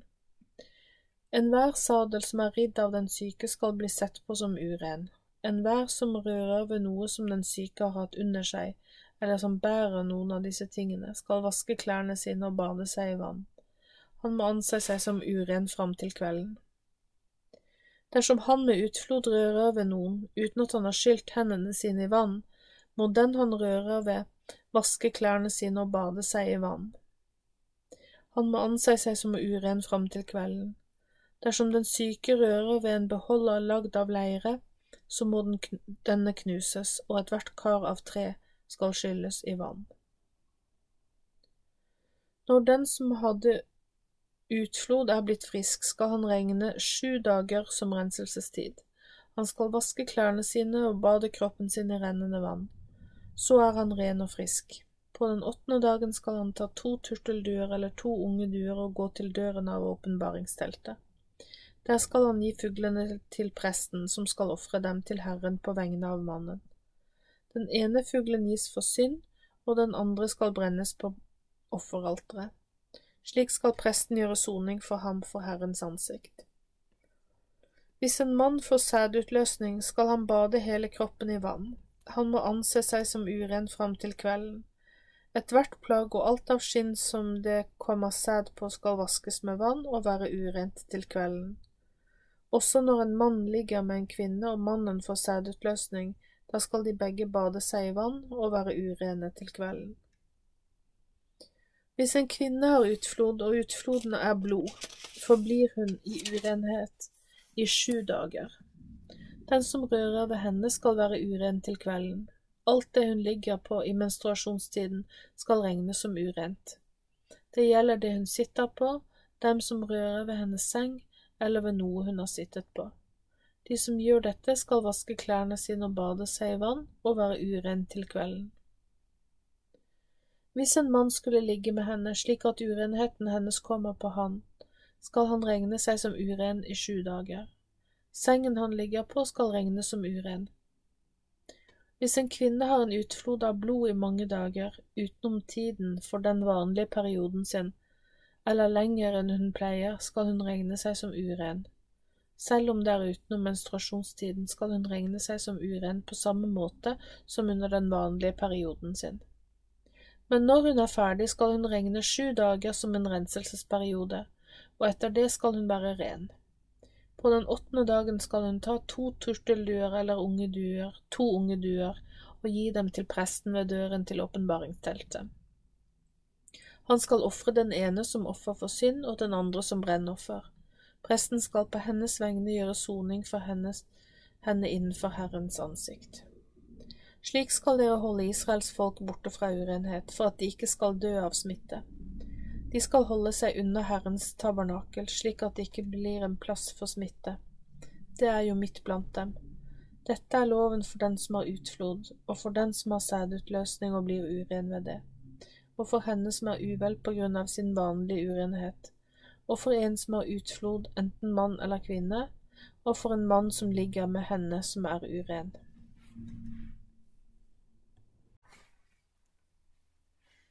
Tredje Mosebok 16 Offer for prestens og folkets synder Herren talte til Moses etter at Arons to sønner døde, de som kom fram for Herrens ansikt med uhellige offer. Herren sa, Si til din bror Aron at han ikke kan komme når som helst inn foran nådestolen til arken innenfor forhenget i helligdommen, så han ikke skal dø, for jeg vil vise meg i skyen over nådestolen. Når Aron kommer inn i helligdommen, skal han ta med seg en ung okse som offer for synd, og enhver til å brenne på offeralteret. Han skal ta på seg den hellige underkjortelen av lin og kortbuksene av lin. Han skal ha på seg et linbelte og det hellige hodeplagget som også er lagd av lin. Dette er de hellige klærne, og derfor skal han bade kroppen sin i vann før han tar dem på seg. Fra menigheten av Israels folk skal han ta med seg to geitebukker til offer for synd, og enhver som brennoffer. Aron skal komme fram med oksen som offer for seg selv og familiens synd. Han skal ta geitebukkene og stille dem fram foran Herren ved døren til åpenbaringsteltet. Så skal Aron kaste lodd om de to geitebukkene. Det ene loddet skal kastes for Herren, og den bukken skal dø for folkets synder. Det andre loddet kastes for syndebukken. Den bukken loddet faller på, for å være syndebukk, skal stilles levende fram for Herrens ansikt. Det skal gjøres soning ved det, og så skal den sendes ut i ørkenen som syndebukk. Aron skal komme fram med oksen som skal være til offer for ham og familien sin. Han skal da slakte oksen, før han deretter skal ta glødende kull fra Herrens alter. Med hendene fulle av velduftende finknust røkelse skal han føre ild og røkelse innenfor forhenget. Når han legger røkelse på ilden, skal det oppstå en røyk som vil skjule nådestolen som står oppå arken. Dette skal skje for at han ikke skal dø. Noe av okseblodet skal han ta på fingrene sine og la det dryppe ned på østsiden av nådestolen. På forsiden av nådestolen skal han skvette blod sju ganger med fingeren før han slakter bukken for folkets synder. Deretter skal han ta blod innenfor forhenget og la det dryppe slik han gjorde med okseblodet. På den måten skal han gjøre soning for helligdommen på grunn av Israels barns urenhet, og på grunn av deres overtredelser og alle deres synder. Slik skal han gjøre for åpenbaringsteltet som står hos dem midt i deres urenhet. Det skal ikke være noe menneske i åpenbaringsteltet når han går inn i helligdommen for å gjøre soning, og til han kommer ut igjen. På den måten skal han gjøre soning for seg selv, for sitt hus og for hele Israels forsamling. Han skal gå ut til alteret som står for Herrens ansikt, og sone der. Han skal ta noe av blodet fra oksen og noe av blodet fra bukken og stryke det rundt på hornene på alteret. Sju ganger skal han ta blod med fingeren og la det dryppe rundt på helligdommen til soning for synd, for Israels barns urenhet. Når soningen er fullført, skal han komme fram med den levende bukken. Aron skal legge begge hendene sine på hodet til den levende bukken, og over den skal han bekjenne alle Israels folks synder. Han skal legge dem over på hodet til bukken, og så skal han sende den ut i ørkenen med en mann som står klar. Bukken vil bære med seg hele folkets synd, og mannen skal selv slippe bukken løs i ørkenen. Så skal Aron komme inn i åpenbaringsteltet. Han skal ta av seg linklærne som han tok på seg da han gikk inn i helligdommen, og han skal la dem bli igjen der. Han skal bade kroppen sin i vann på et hellig sted, ta på seg klærne og komme ut og ofre sitt eget brennoffer, og så brennofferet for folket. På den måten skal han gjøre soning for seg selv og for folket. Fettet fra syndofferet skal han la gå opp i røyk på alteret. Han som sendte bukken bort fra sin, som syndebukk, skal vaske klærne sine og bade kroppen sin i vann. Etterpå kan han komme inn i leiren. Oksen og bukken som ble ofret til syndeoffer, der Aron bar inn blodet fra dem i helligdommen for å gjøre soning, skal fraktes utenfor leiren, og der skal de brenne huden, kjøttet og tarmene på ilden. Den som utførte denne oppgaven, skal vaske klærne sine og bade kroppen i vann. Etterpå kan han komme inn i leiren igjen. Dette skal være en evig lov for dere. Den tiende dagen i den sjuende måneden skal det være den store forsoningsdagen. Da skal dere ydmyke dere for Herren. Denne dagen skal dere ikke gjøre noe som helst arbeid, hverken den innfødte eller den som er innflytter hos dere. Dette er en evig lov. Presten som er salvet og innviet til å gjøre prestetjeneste, skal ta på seg sine hellige klær før han ofrer for å sone for synd. Dette skal han gjøre foran det aller helligste og foran åpenbaringsteltet. Han skal gjøre soningsseremonien både for presten og for hele folket. Dette skal være en evig lov, for alle deres synder skal sones for en gang i året. Og han gjorde som Herren hadde befalt Moses. Tredje Mosebok 17 Blodet som ofres er hellig. Herren sa til Moses, Si til Aron, sønnene hans og hele Israels folk at Herren har befalt dette. Enhver av Israels folk som ofrer en okse, et lam eller en geit i leiren eller utenfor leiren, skal gi den som en offergave og gi den til Herren ved åpenbaringsteltet foran Herrens tabernakel. Den mannen som ofrer uten å gå til Gud med offeret, har gjort en stor synd og utryddes fra sitt folk. Alle slakteofrene skal føres fram for Herren ved døren til åpenbaringsteltet, de skal gis til presten som igjen skal ofre dem som fredsoffer til Herren. Presten skal la blodet dryppe rundt på Herrens alter ved døren til åpenbaringsteltet. Fettet fra dyrene skal gå opp i røyk som en behagelig duft for Herren. Men de skal ikke lenger ofre til demonbukkene, de er gudebildene til mørkets makter. Å ofre til dem er en grov utroskap mot Herren. Hverken den eller slektene etter dere skal gjøre dette. Dette skal være evigvarende lov, både for dere og for alle deres etterkommere. Dere skal forkynne til folket at om noen, enten det er en israelitt eller en innflytter, ofrer uten å gi det til Herren ved åpenbaringsteltet, skal han dø. Om en israelitt eller en innflytter spiser blod, vil jeg snu meg mot ham, og da må han dø. For det som kjøttet gir liv, det er i blodet.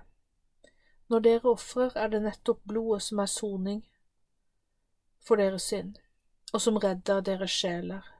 Derfor skal ingen blant dere spise blod. Når noen av dere går på jakt og feller et vilt dyr eller en fugl og så vil spise kjøttet, da skal han la blodet renne ut av den og dekke det med jord. For livet til alt kjøtt ligger i blodet. De som spiser det, skal dø.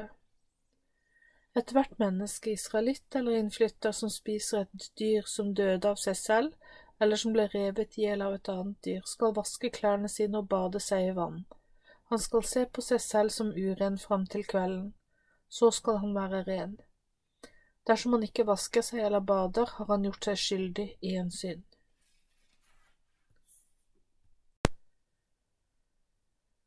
Tredje Mosebok 18 Lover om seksualmoral Igjen snakket Herren til Moses. Dette skal du forkynne til israelittene. Jeg er Herren deres Gud. De synder som ble gjort i landet Egypt, der dere bodde, skal dere ikke gjøre. Dere skal heller ikke følge de syndige skikkene i Kanans land, dit jeg fører, fører dere, men dere skal leve for meg og holde mine lover. Jeg er Herren deres Gud, derfor skal dere leve rett for meg og gjøre min vilje og følge budene mine, for det vil gi dere et godt liv. Jeg er Herren.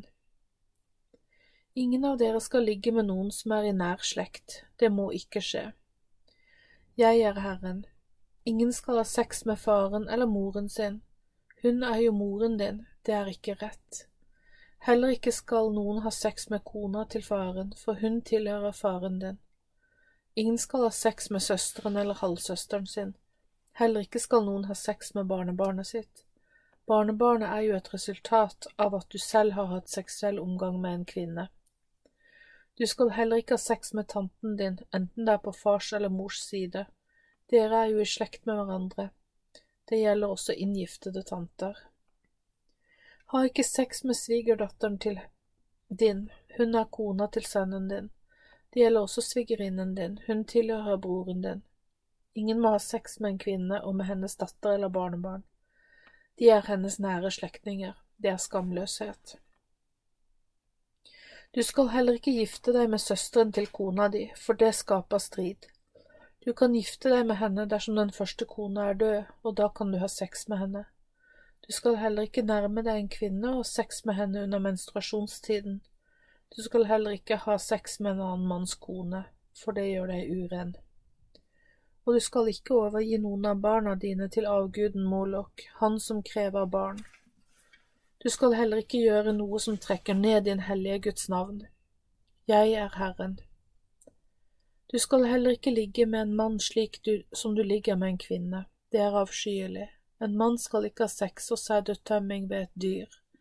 Heller ikke skal en kvinne stille seg foran et dyr for at dyret skal bestige henne. Slikt er unaturlig og skammelig. Gjør dere ikke urene ved noen slik, seks, ved noen slik seksuell synd.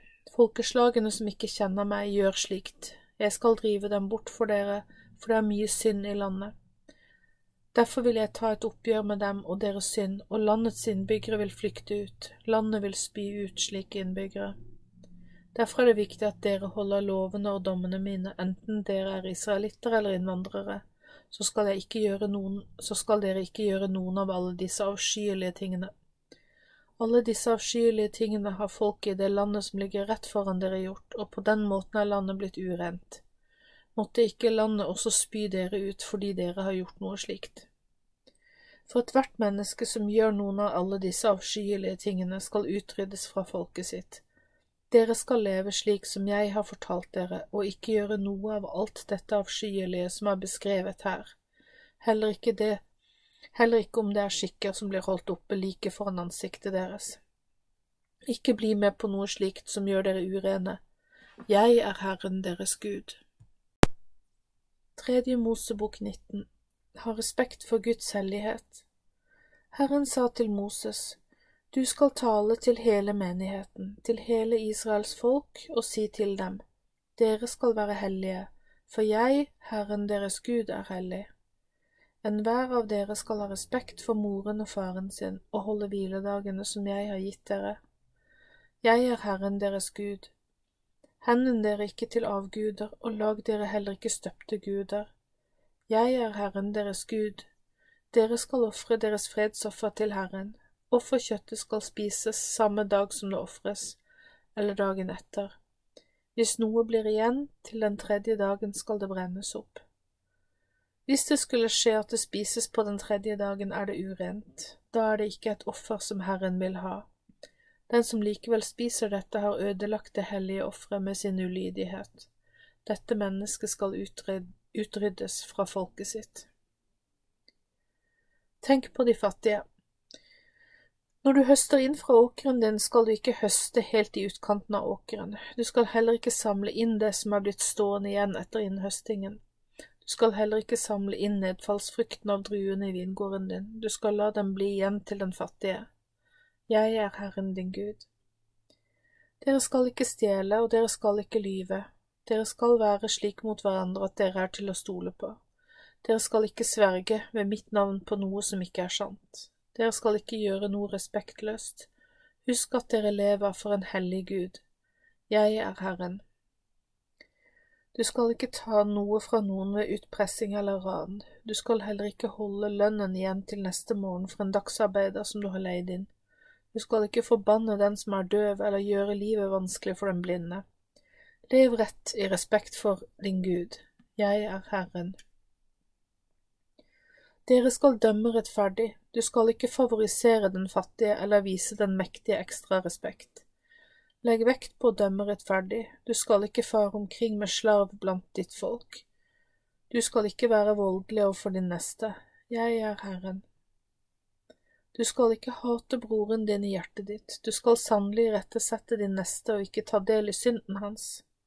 Du skal ikke ta hevn, og du skal ikke bære på bitterhet. Du skal elske andre mennesker på samme måte som du elsker deg selv. Jeg er Herren. Dere skal holde mine lover, du skal ikke la noe dyr på marken din pare seg med et dyr av et annet slag, du skal ikke så to slag korn på samme åker, du skal heller ikke ha på deg klær som er en blanding av to slags garn. Den som ligger med en kvinne og hun er en annen manns tjenestepike, skal bli straffet for det men fordi hun ikke var en annens kone, skal de ikke straffes med døden. Mannen skal komme til åpenbaringsteltet til Herren med enhver som offer for synden og skylden sin. Presten skal ofre væren til soning for mannens synd, og den skal dekke over synden, og mannen skal bli tilgitt. Når dere kommer inn i landet og har plantet alle slags frukttrær for å ha til mat, skal dere ikke spise av frukten de første tre årene. Frukten må regnes som uren, men i det fjerde året skal all frukten gis til Herren som en hellig lovprisning til ham. I det femte året kan dere spise av avlingen, slik skal det trærne gi dere en enda større avling. Jeg er Herren deres Gud. Dere skal ikke spise noe med blod i, dere skal ikke søke overnaturlige varsler eller drive med spådomskunst. Dere skal ikke runde av håret på siden, siden av hodet, og du skal ikke skamklippe kanten på skjegget ditt. Dere skal ikke skjære merker på kroppen i sorg over en avdød, og dere skal ikke tatovere dere. Jeg er Herren. Du skal ikke gjøre skam på datteren din med å la henne bli, bli en prostituert. Landet skal ikke preges av løssluppen sex og utvikle seg til en total mangel på anstendighet. Dere skal respektere de dagene jeg har gitt dere som hellige dager. Dere skal ha respekt for det som er hellig. Jeg er Herren. Henvend dere ikke til åndemanere og til slike som driver med spiritisme. Ikke gjør dere selv urene ved å ta kontakt med slike. Jeg er Herren deres Gud. Vis respekt for dem som er blitt eldre, og vis dem omsorg. Vis respekt for meg, din Gud, jeg er Herren. Hvis en fremmed flytter inn i landet deres og bor sammen med dere, skal dere ikke undertrykke ham. Den fremmede som bor blant dere skal regnes som en innfødt, og du skal elske ham som deg selv. For dere var selv en gang fremmede i landet Egypt. Jeg er Herren deres Gud. Dere skal ikke lure noen, gi alltid rett lengdemål, vekt eller hulmål. Dere skal ha rette vekter, rette vektlodd og rette målebeger. Jeg er Herren deres Gud, som førte dere ut av landet Egypt. Derfor skal dere holde alle lovene og budene mine og leve etter dem. Jeg er Herren. Tredje Mosebok 20 Straffer for brudd på loven Så sa Herren igjen til Moses, du skal si til folket at dersom noen blant Israels folk eller noen innflyttere gir noen av sine barn til avguden Molok, så skal han sannelig dø. Folket i landet skal steine ham. Jeg vil vende meg mot den mannen som gjør noe slikt, og jeg vil utrydde ham.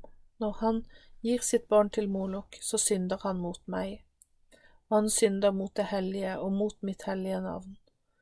Hvis noen vet at en mann gir av sine barn til Molok uten å varsle, slik at mannen blir straffet og drept, vil jeg vende meg mot den mannen som ikke melder fra om slikt, ja, både mot ham og slekten hans.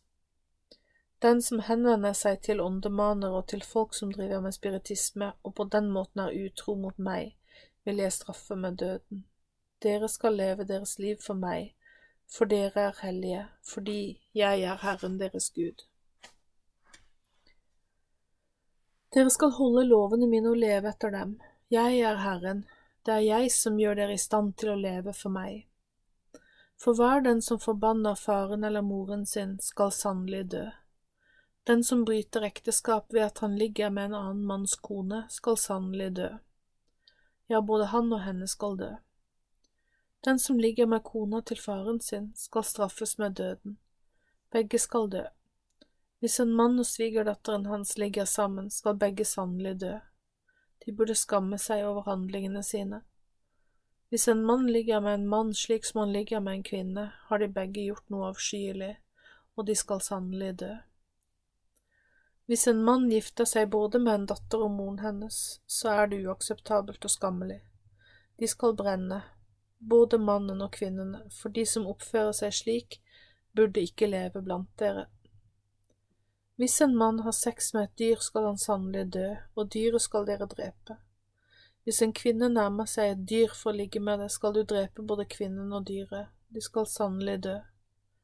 Hvis en mann gifter seg med søsteren eller halvsøsteren sin og har sex med henne, så er det en skam. De skal utryddes foran øynene på folket sitt, for de har syndet. Hvis en mann ligger med en kvinne som er uvel under sin månedlige blødning, skal hennes blod, blir hennes blod synlig for ham. Da skal de begge straffes med døden. Har ikke sex med en tante, enten det er på fars eller mors side, de har gjort seg skyldig i en synd.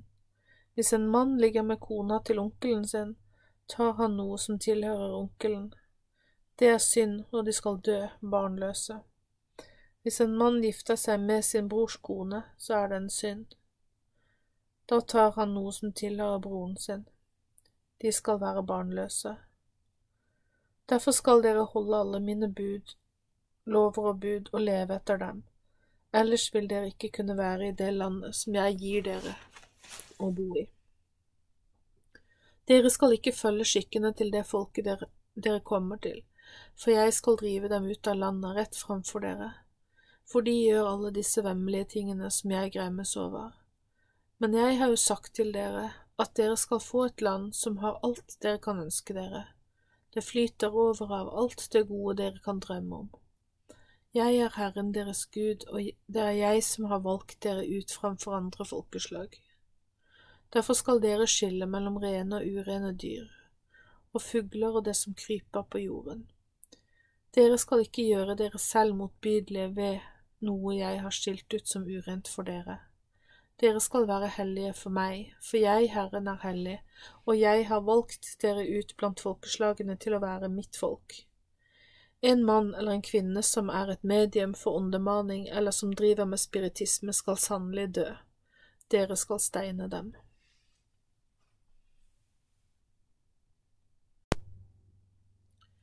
Tredje Mosebok 21 Instruks for prestene Herren sa til Moses, Si til Arons sønner, de som er prester, at de ikke må røre ved døde mennesker, for det vil gjøre dem urene. Det er tillatt at de gjør seg urene ved å røre ved, den, ved døde dersom det er deres nærmeste, fam, nærmeste familie, som mor, far, bror, sønn eller datter. Han kan også røre ved den ugifte søsteren sin som var jomfru, og som sto ham nær ellers skal han ikke gjøre seg uren, fordi han er en leder for sitt folk og må leve rett for Gud. Prestene skal heller ikke klippe av seg alt håret, barbere bort kantene på skjegget eller tatovere seg på kroppen. De skal leve hellige for sin Gud, og ikke slik at folk mister respekten for Guds navn. Det er jo prestene som skal bringe matoffer fram for Herren, for det er Guds brød. Derfor skal de være hellige. En prest skal ikke gifte seg med en prostituert eller en kvinne som lever utsve utsvevende. Han skal heller ikke gifte seg med en kvinne som er skilt fra sin mann, for presten skal leve rent og hellig for sin Gud.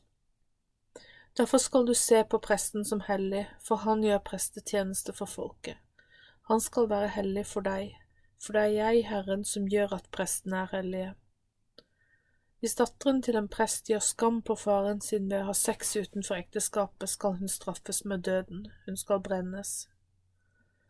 Den som blir salvet til øverste prest ved å få salvingsoljen helt utover hodet sitt, er innviet til å bære presteklærne, og da skal han ikke ta av seg hodeplagget eller flere klærne sine i raseri. Han skal heller ikke komme i nærheten av en død person. Mens han tjenestegjør som øverste prest, skal han heller ikke røre ved foreldrene sine dersom de skulle dø. Han skal holde seg inne i helligdommen og ikke gjøre noe som regnes for urent. Han skal vise respekt for Guds helligdom, for han er nemlig innviet til tjeneste, fordi Guds salvingsolje er over ham. Jeg er Herren. Han skal gifte seg med en jomfru av sitt eget folk og ikke en enke, skilt, løssluppen eller prostituert. Han skal, ha en høy, hun, han skal ha en høy moral og leve rett i sin slekt og blant sitt folk. For jeg, Herren, gjør at han er hellig. Herren sa også til Moses, si til Aron at ingen mann som har noen form for skavank skal komme fram for Gud med brødet sitt. Det gjelder også etterkommerne, uansett hva som feiler ham blind lam med et vansiret ansikt eller et lem som er for langt, en med brukket fot eller brukket hånd, en pukkelrygget, en dverg eller en med feil i øyet, skabb, utslett eller med skadede testikler. Ingen mann som har noen feil fra Arons slekt skal bli prester for Gud og nærme seg Herren med matofre. Presten kan spise av offerbrød, både det høyhellige og det hellige. Han skal bare ikke komme bort til forhenget eller komme nær alteret, for han har en feil, og da vil han gjøre skam på min helligdom. For jeg, Herren, er Han som gjør prestene hellige. Moses sa dette til Aron og hans sønner som var prester, og til hele Israels folk. Tredje Mosebok 22 Igjen sa Herren til Moses, si til Aron og sønnene hans at dersom prestene av en eller annen grunn er blitt urene, så skal de ikke røre ved røre de hellige gavene som folket har gitt til meg. Det er mangel på respekt for meg. Jeg er Herren. Skulle noen blant dere i uren tilstand, nå eller i senere generasjoner, komme nær de hellige gavene som Israels folk har gitt til meg, da skal det mennesket utryddes. Jeg er Herren.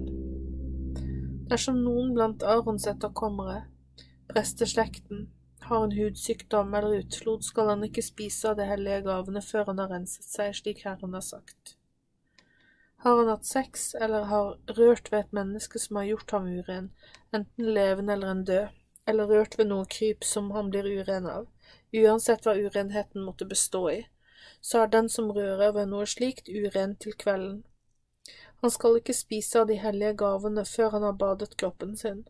Når solen har gått ned, kan han regne seg som renset og ren. Først da kan han spise av de hellige gavene, for det er hans mat. Prestene kan spise dette. Et selvdødt dyr eller et dyr som er revet i hjel skal han ikke spise, for det vil gjøre ham uren. Jeg er Herren. Jeg, Herren, gjør prestene hellige igjen etter at de har vært urene dersom de gjør det jeg har sagt for å bli renset og ren. Ingen fremmede har lov til å spise av det hellige brødet. Skulle noen bo hos presten eller være leid inn som arbeider, så har de ikke lov til å spise av denne maten som presten har fått på grunn av sin prestetjeneste. Det er hellig mat. Prestens familie og slaven hans, dersom han skulle ha kjøpt seg en slave, kan spise av prestens mat.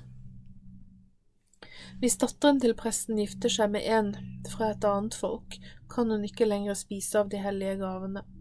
Men hvis datteren til presten blir enke eller skilt og ikke har barn, og kommer tilbake til sitt barndomshjem, kan hun spise av sin fars mat, men ingen fremmed får spise det.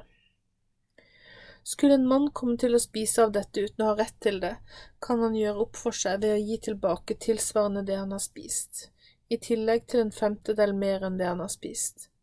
Det som Israels folk gir til Herren, skal behandles som hellig av prestene. Skulle de selv trenge å gjøre opp for seg innenfor Herren, så skal de ikke ta av det folk allerede har gitt, for folket skal ikke betale for prestenes synd. For jeg, Herren, gjør dem rene og hellige. Lover om offerdyrene Herren sa til Moses om offerdyrene, Si til prestene, Aron og sønnene hans, og til hele Israels folk at alle, israelitter eller innflytta blant folk, folket som vil komme fram med frivillig offergave, skal gi det som brennoffer.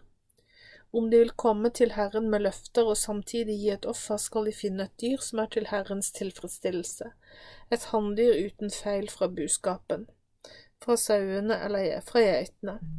Skal dyret gi en behagelig duft på vegne av dere, så må det være et feilfritt dyr. Når noen kommer fram med et offer med ønske om fred fordi de skal oppfylle et løfte som de tidligere har gitt, eller det er et frivillig offer av okse, sau eller geit, så må også dette dyret være feilfritt dersom Herren skal ta imot det som et offer. Dere kan ikke komme med et dyr som likevel er sykt og skal dø, et blindt dyr, dyr med beinbrudd eller som er kvestet, eller som har et væskende sår, skabb eller utslett. Slike dyr skal dere heller ikke komme med til Herrens alter som mat til prestene. Skulle en okse eller en sau ha et lem som er for langt eller for kort, kan du ofre det som et frivillig offer, men det er ikke godt nok offer når man skal ofre for å avlegge eller innfri et løfte. Et dyr som har fått testiklene klemt, knust, revet eller skåret, skal dere ikke bære fram som et offer til Herren. Det skal dere ikke gjøre i landet deres, Heller ikke på vegne av utlendinger kan dere komme med slike offerdyr. Herren har ikke glede i offer av slike dyr. Herren sa mer til Moses. Når en oksekalv eller et lam eller et kje blir født, skal de være hos moren i sju dager, men fra den åttende dagen av skal de finne velbehag som matoffergave til Herren. Dere skal ikke slakte et dyr og dets avkom på samme dag. Når dere ofrer i takk til Herren, skal dere ofre slik at offeret gir Herren en behagelig duft på deres vegne. Dere kan spise offeret den dagen det ofres, men la det ikke bli noe igjen til neste morgen. Jeg er Herren, og derfor skal dere holde mine bud og leve etter dem. Dere skal ha respekt for min hellighet og holde min, mitt hellige navn høyt. Ikke gjør noe som kan kaste mørke skygger over mitt hellige navn. Israels folk skal ha en dyp respekt for meg, for det er jeg, Herren, som gjør dere hellige, det er jeg som førte dere ut av Egypt for å være deres Gud. Jeg er Herren. Tredje Mosebok 23 Herrens store høytider Herren sa til Moses, tal til Israels folk, si at dere skal ha hellige samlinger, de skal holde som høytidsstunder til glede for Herren. Seks dager skal det arbeides, mens den sjuende dagen skal være en hviledag og denne dagen skal dere samles for å tilbe meg. Da skal dere ikke gjøre noe arbeid. Overalt hvor dere bor skal dere hvile en dag i uken og sette av tid til Herren. I tillegg til ukens hviledag skal dere også ha noen høytider for Herren. Da skal dere også samles til glede for ham. Disse skal holdes til fastsatte tider. På den fjortende dagen i den første måneden, fra solen går ned til det blir helt mørkt, skal dere feire påske. På den femtende dagen i den samme måneden skal dere feire de usyrede brøds høytid. Det vil si at dere i sju dager skal spise brød som ikke er hevet. Usyret brød. På den første dagen skal dere samles i Guds navn, og denne dagen skal dere ikke arbeide. Men den sjuende dagen skal dere komme fram med matoffer for Herren. Den sjuende dagen skal dere også samles i Guds navn. Denne dagen skal dere heller ikke arbeide. Gi av innhøstingen til Herren. Herren sa igjen til Moses, Dette skal du si til Israels folk, når dere kommer inn i det landet jeg gir dere og høster inn avlingen der, skal dere ta med et kornbånd fra den første avlingen og gi det til presten. Han skal løfte kornbåndet opp mot Herren. Kornbåndet vil være til glede for Herren på vegne av dere. Presten skal gjøre dette på dagen etter sabbaten. Sammen med kornbåndet skal dere ofre et årsgammelt, feilfritt værlam til Herren. Det skal brennes. Offeret for innhøstingen skal være sju liter fint mel. Det skal blandes med olje og være et matoffer til Herren, og dette vil dufte godt til glede for ham. Drikkeofferet som hører med, skal være 0,9 liter med vin. Selv skal dere verken spise brød, tørket korn eller nytt korn før den dagen dere har gitt av innhøstingen til Herren. Dette skal være en evig lov for dere og generasjonene etter dere overalt der dere bor. Høstfesten Dere skal telle uker. Fra den dagen dere ofret og ga kornbåndet, skal dere telle sju sabbater, 50 dager, og deretter skal dere komme med et nytt offer fra innhøstingen og gi det til Herren. Fra de stedene dere bor, skal dere komme med to brød som dere har lagd av sju liter mel. Det skal være et offer dere gir mens dere avlegger løfter til Herren. De skal være bakt av fint mel og være lagd av hevet deig. De gis til Herren som et offer fra den første innhøstingen. Sammen med brød skal dere komme fram med sju ettårsgamle gamle feilfrie lam, en oksekalv og to værer. De skal brennes som offer til Herren. Sammen med de andre ofrene vil dette gi en behagelig duft for Herren. Så skal dere ofre en geitebukk som offer for deres synder, og to etters gamle værelam som et offer for å få fred. Presten skal løfte dem opp mot Herren sammen med brødene. Disse ofrene skal gis som et løfte til Herren, og det dere ofrer, blir gitt til Herren og tilhører derfor prestene. Den samme dagen skal dere rope ut at det er en samling i Guds navn. Den dagen skal dere ikke arbeide, det skal være en evig lov overalt hvor dere bor og for generasjonene etter dere. Når du høster inn fra åkeren din, skal du ikke høste helt i utkanten av åkeren, du skal heller ikke samle inn det som er blitt stående igjen etter innhøstingen. Du skal la det bli igjen til den fattige. Jeg er Herren deres Gud. Nyttårsfesten Så sa Herren til Moses, si til Israels folk, i den sjuende måneden, på den første dagen i måneden, skal dere ha en hviledag. Da skal dere blåse i basunen og utrope en minnedag med en samling i Guds navn. Denne dagen skal dere ikke arbeide, men komme fram med matoffer til Herren. Forsoningsdagen Herren sa dette til Moses som forsoning. I tillegg skal den tiende dagen i den sjuende måneden være den dagen dere skal ydmyke dere for Herren og be om tilgivelse. Den dagen skal dere ha en samling i Guds navn.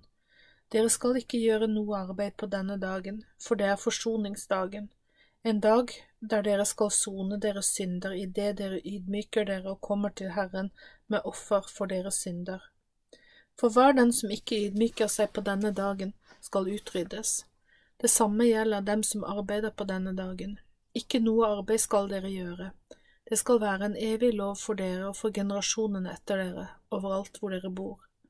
Denne dagen skal være en hviledag, en sabbatsdag, og dere skal ha høytidelig hvile og være ydmyke i deres sjeler. På den niende dagen i måneden skal dere fra den ene kvelden til kvelden neste dag holde deres sabbat og hvile.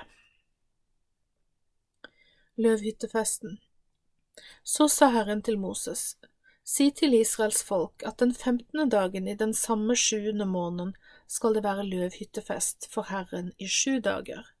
På den første dagen skal det være en samling i Guds navn. Da skal dere ikke arbeide. I sju dager skal dere komme fram med mat som offer til Herren. På den åttende dagen skal dere igjen samles i Guds navn og komme med mat som offer til Herren. Også denne dagen skal dere hvile.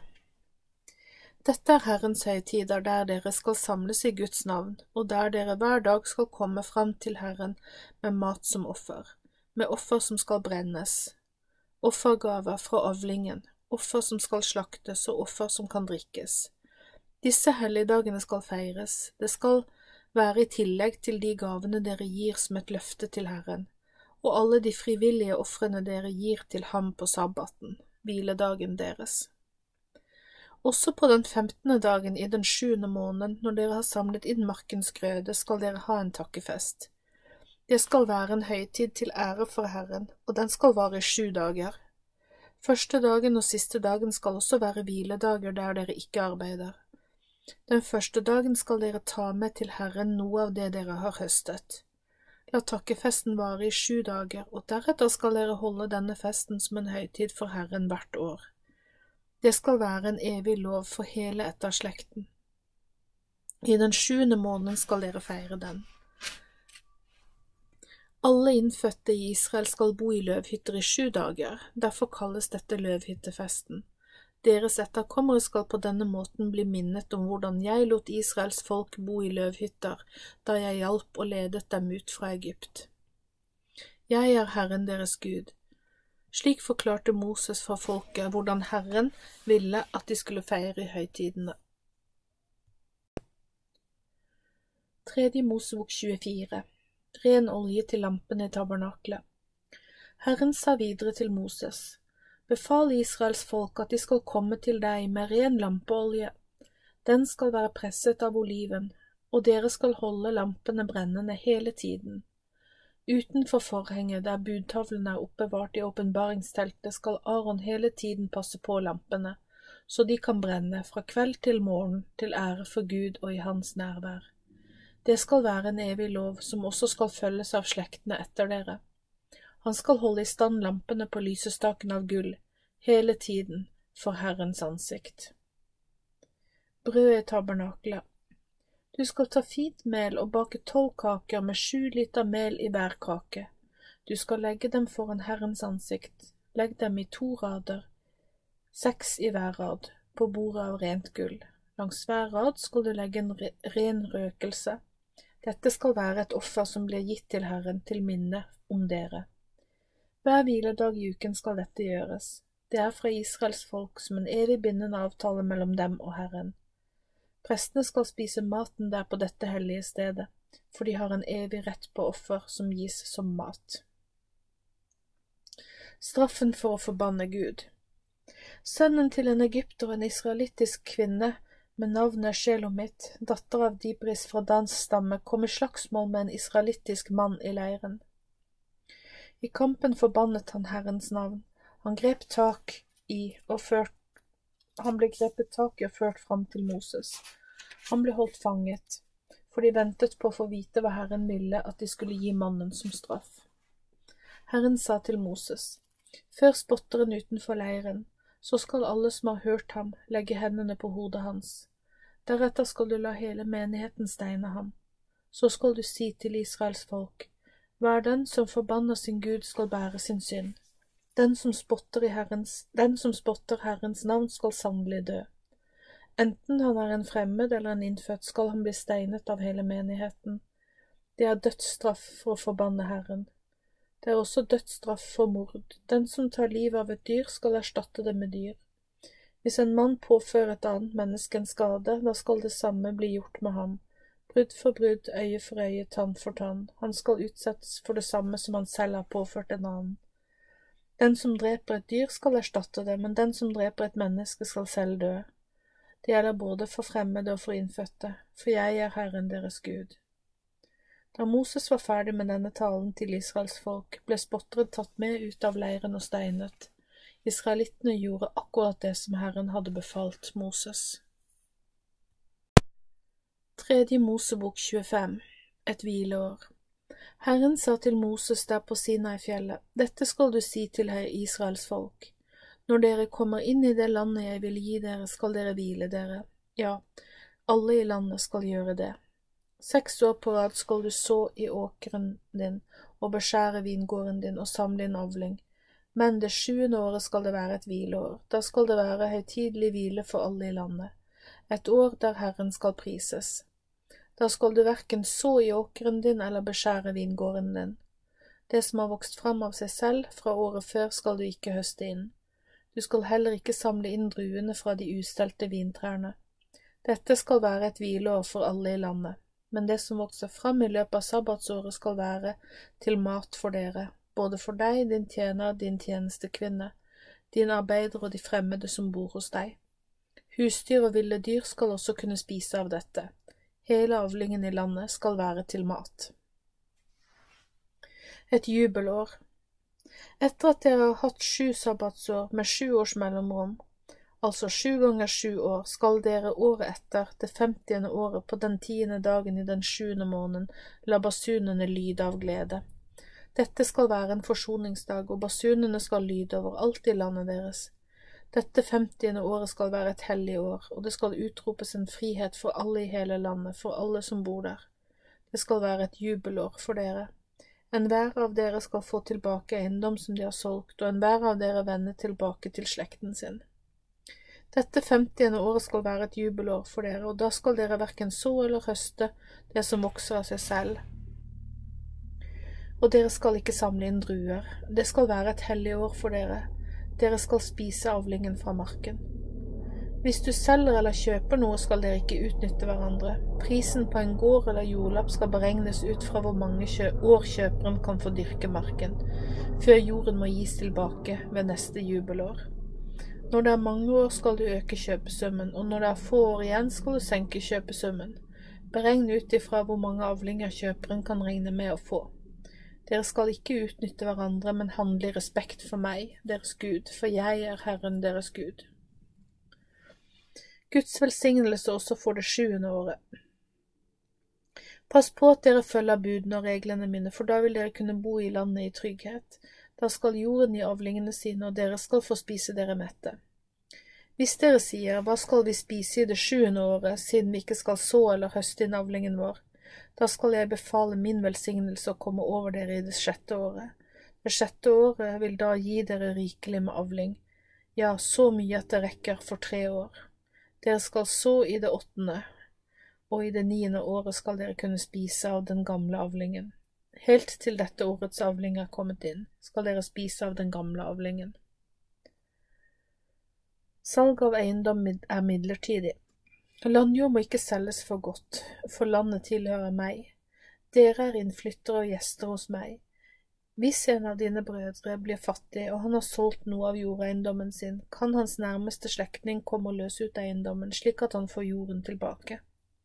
Dersom ingen løser ham ut, men han etter hvert får så god råd at han selv kan løse den ut, skal han telle hvor mange år det er siden salget. Så skal han gi tilbake verdiene for eiendommen til mannen han solgte den til. Men hvis den tidligere eieren ikke har nok til å kjøpe den tilbake, skal den solgte eiendommen tilhøre kjøperen helt til jubelåret. I jubelåret skal eiendommen gis tilbake til han som solgte den. Hvis en mann selger et bolighus i en by med mur omkring, kan huset løses ut innen utgangen av et år etter at det er solgt, for dette året har han rett til å kjøpe det tilbake. Men dersom det ikke er løst ut innen et helt år, skal huset i byen med mur omkring for alltid tilhøre ham som kjøpte det, og slekten hans. Et slikt hus skal ikke gis tilbake i jubelåret. Men husene i landsbyer som ikke har noen mur rundt seg, skal regnes som eiendommer på landet. De kan kjøpes tilbake, og de skal frigis i jubelåret. Men byene til levittene og husene i deres byer skal alltid kunne kjøpes tilbake. For levittene skal beholde sine hus og eiendommer i generasjoner. Markene på fellesareal omkring byene deres kan ikke selges, for det er deres felles eiendom til evig tid. Om å låne til de fattige hvis en av dine brødre blir fattig og ikke klarer seg selv, skal du støtte ham på samme måte som du ville ha støttet en innflytter eller en fremmed. Han skal kunne leve hos deg, og du skal ikke kreve renter av en slik fattig mann eller på noe vis tjene på å låne ham noe.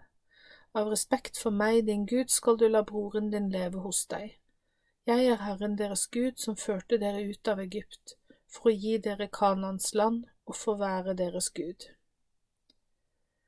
Loven om slaveri Hvis en av brødrene dine hos deg blir fattig og selger seg til deg som slave, skal du ikke tvinge ham til slavearbeid. Han kan jobbe som en dagarbeider. Du skal behandle ham som en innflytter, helt til jubelåret skal han tjene deg. Da skal han og familien hans dra bort fra deg og vende tilbake til sin egen slekt og til sine forfedres eiendom.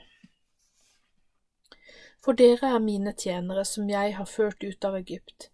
Dere skal ikke selges som slaver. Du skal derfor ikke herske hensynsløst over ham, men behandle ham fint i respekt for meg, din Gud.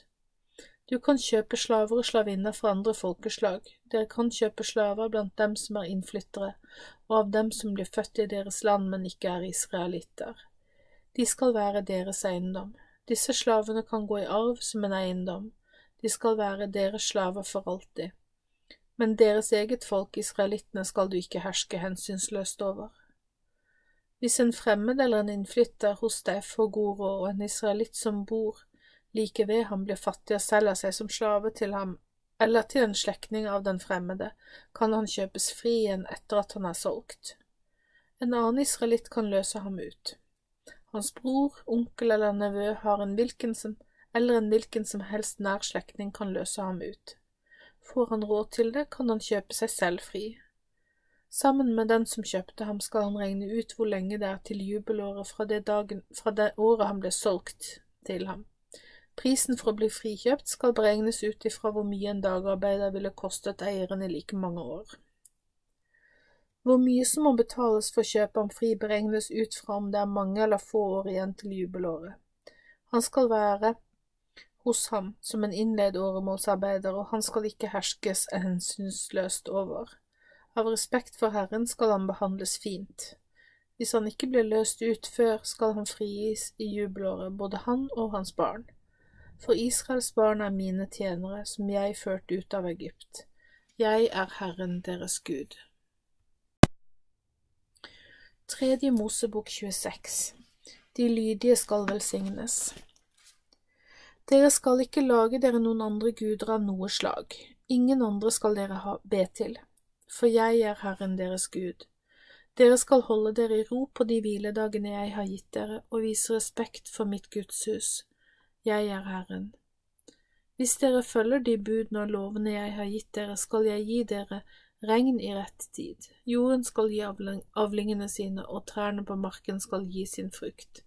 For de lydige skal tresketiden vare helt til tiden for å høste inn vindruer. Innhøstingen av druene skal vare fram til det igjen er tid for å så. Dere skal få spise deres brød og bli mette, og dere skal bo trygt i landet deres. Jeg vil gi fred i landet, og dere skal kunne legge, til, legge dere til hvile uten at noen skremmer dere. Jeg vil drive bort de stygge villdyrene, og ingen med sverd skal få komme og true dere. Dere skal jage fiendene deres på flukt, og de skal drepes med sverd rett foran øynene deres. Fem av dere skal klare å jage bort hundre, og hundre av dere skal jage ti tusen på flukt. Deres fiender skal drepes med sverd rett foran øynene deres. For jeg vil velsigne dere og gjøre dere fruktbare, slik at dere blir mange. På den måten vil jeg bekrefte at vi har en bindende avtale. Dere skal spise av den gamle avlingen helt til dere må bære den ut for å få plass til den nye. Jeg vil være blant dere, i tabernaklet mitt er et gudshus midt blant dere. Eh, og jeg skal ikke ha avsky for dere, jeg vil vandre midt blant dere, og jeg skal være deres Gud, og dere skal være mitt folk. Jeg er Herren deres Gud, som førte dere ut av Egypt, så dere ikke lenger skulle være slaver. Jeg har kuttet båndene som bandt den tunge last til deres rygg, for at dere skal kunne rette dere opp og gå oppreist. Straff over de ulydige. Men hvis dere ikke er lydige og følger lovene og budene jeg har gitt dere, hvis dere ikke bryr dere om hva som er min vilje og avskyr det jeg ber dere om å gjøre, bryter dere den bindende avtalene som vi har med hverandre. Da vil jeg la angst komme over dere, nedbrytende sykdommer og feber. Øynene deres vil lukke seg og sjelen tynes ut. Da vil deres såkorn sås forgjeves, for avlingen skal spises opp av deres fiender. Da vil jeg snu ryggen til dere, og dere skal bli slått av fiendene. fiendene. De som hater dere, skal herske over dere. Selv når ingen forfølger dere, vil dere være på flukt. Hvis dere likevel ikke vil være lydige mot meg etter alt dette, vil jeg sjudoble straffen for syndene deres. Jeg vil bryte ned stoltheten deres, for dere er stolte over deres egen styrke. Himmelen over dere gjør jeg som jern, og jorden under dere som bronse. Alle deres kraftanstrengelser vil være forgjeves. Verken jorden, jorden eller trærne skal gi dere avling. Hvis dere stadig går imot meg og ikke er villige til å lyde meg, skal jeg legge sju ganger flere plager på dere, for syndene sin skyld. Jeg skal sende ville dyr inn blant dere, og de skal stjele fra dere barna deres, ødelegge husdyrene deres og gjøre dere få. Gatene deres skal bli tomme. Hvis dere ikke ved alt dette lar dere irettesette av meg, men fortsatt vil leve i motstand mot min vilje for dere, vil jeg bli deres motstander. Dere skal straffes sjudobbelt for det gale dere har gjort. Dere skal angripes av sverd, og det skjer som en hevn bare øh, hevn fordi dere brøt den avtalen vi hadde, som egentlig var bindende. Når dere er samlet i byene deres, skal jeg sende en pest blant dere dere skal bli overgitt til fiendene deres, jeg vil ødelegge brødforsyningen. Om ti kvinner baker brød for dere i en ovn og gir dere brød, skal dere spise det uten å bli mette. Dersom dere etter alt dette likevel ikke vil være lydige mot meg, da blir jeg veldig sint på dere, dere skal straffes sjudobbelt for syndene deres. Dere kommer til å spise deres egne barn, jeg skal ødelegge haugene der dere ofrer til andre guder, jeg skal hogge ned røkelsesaltrene deres, og de døde hos dere skal jeg kaste på de døde. Jeg vil ha avsky for dere. Jeg skal legge deres byer i ruiner og la deres helligdommer stå tomme, jeg vil ikke kjenne deres velbehagelige dufter. Landet skal bli så folketomt at deres fiender som bor der skal forskrekkes over det. Jeg skal spre dere blant andre folkeslag og komme etter dere med et sverd, klart til hogg. Da vil landet være så tomt og utmagret at hviledagene som ble forbudt av dere, vil komme av seg selv, fordi det ikke fikk hvile eh, på deres sabbater da dere bodde der. Den av dere som ikke blir borte fra landet, men blir igjen, skal jeg gi frykt i hjertet. De vil føle at de er i sine fienders land. Selv lyden av raslende løv skal drive dem på flukt. De skal flykte som når en flykter fra å bli tatt av et sverd, og de skal falle enda ingen forfølger dem. I sin flukt skal de snuble over, over hverandre, enda ingen forfølger dem. Dere skal ikke klare å bli stående når de ser ansiktet på, deres, på sine fiender. Dere skal gå fortapt blant andre folkeslag, og deres fiender rundt dere skal overmanne dere. De av dere som blir tilbake, skal råtne i sine egne synder der de er i sine fienders land. Også på grunn av sine forfedres synder som de har overtatt, skal de råtne bort. Ny overgivelse til Herren. Men dersom de innrømmer sine feil og ber om tilgivelse for at de har gått imot meg, vil jeg tilgi dem. Derfor måtte folket gå gjennom landet til sine fiender, fordi deres selvgode og stolte hjerter skulle bli ydmyke og gi seg til meg. Jeg glemmer ikke den bindende avtalen jeg gjorde med Jakob og Isak. Jeg vil også ta igjen ta meg av landjorda. Men før landet skal dyrkes opp, skal de få hvile. De har ikke fått sine nødvendige hvilepauser fordi de som bodde i landet, ikke fulgte reglene om sabbaten. Mitt folk må innrømme at de har gjort seg skyldige i å være ulydige mot mine bud og regler som var laget for dem. Men til tross for alt dette skal jeg ikke forkaste dem og ikke ha avsky for dem, så jeg utsletter dem og bryter min del av avtalen med dem. For jeg er Herren deres Gud, for deres skyld skal jeg minnes avtalen jeg gjorde med deres forfedre, som jeg førte ut av Egypt rett foran øynene på andre folkeslag. Det gjorde jeg fordi jeg skulle være deres Gud. Jeg er Herren. Dette er de ordningene, de dommene og de lovene som Herren bestemte skulle gjelde mellom seg selv og Israels folk på Sinai-fjellet gjennom Moses. Tredje Mosebok 27 Personer som frikjøpes fra tjeneste.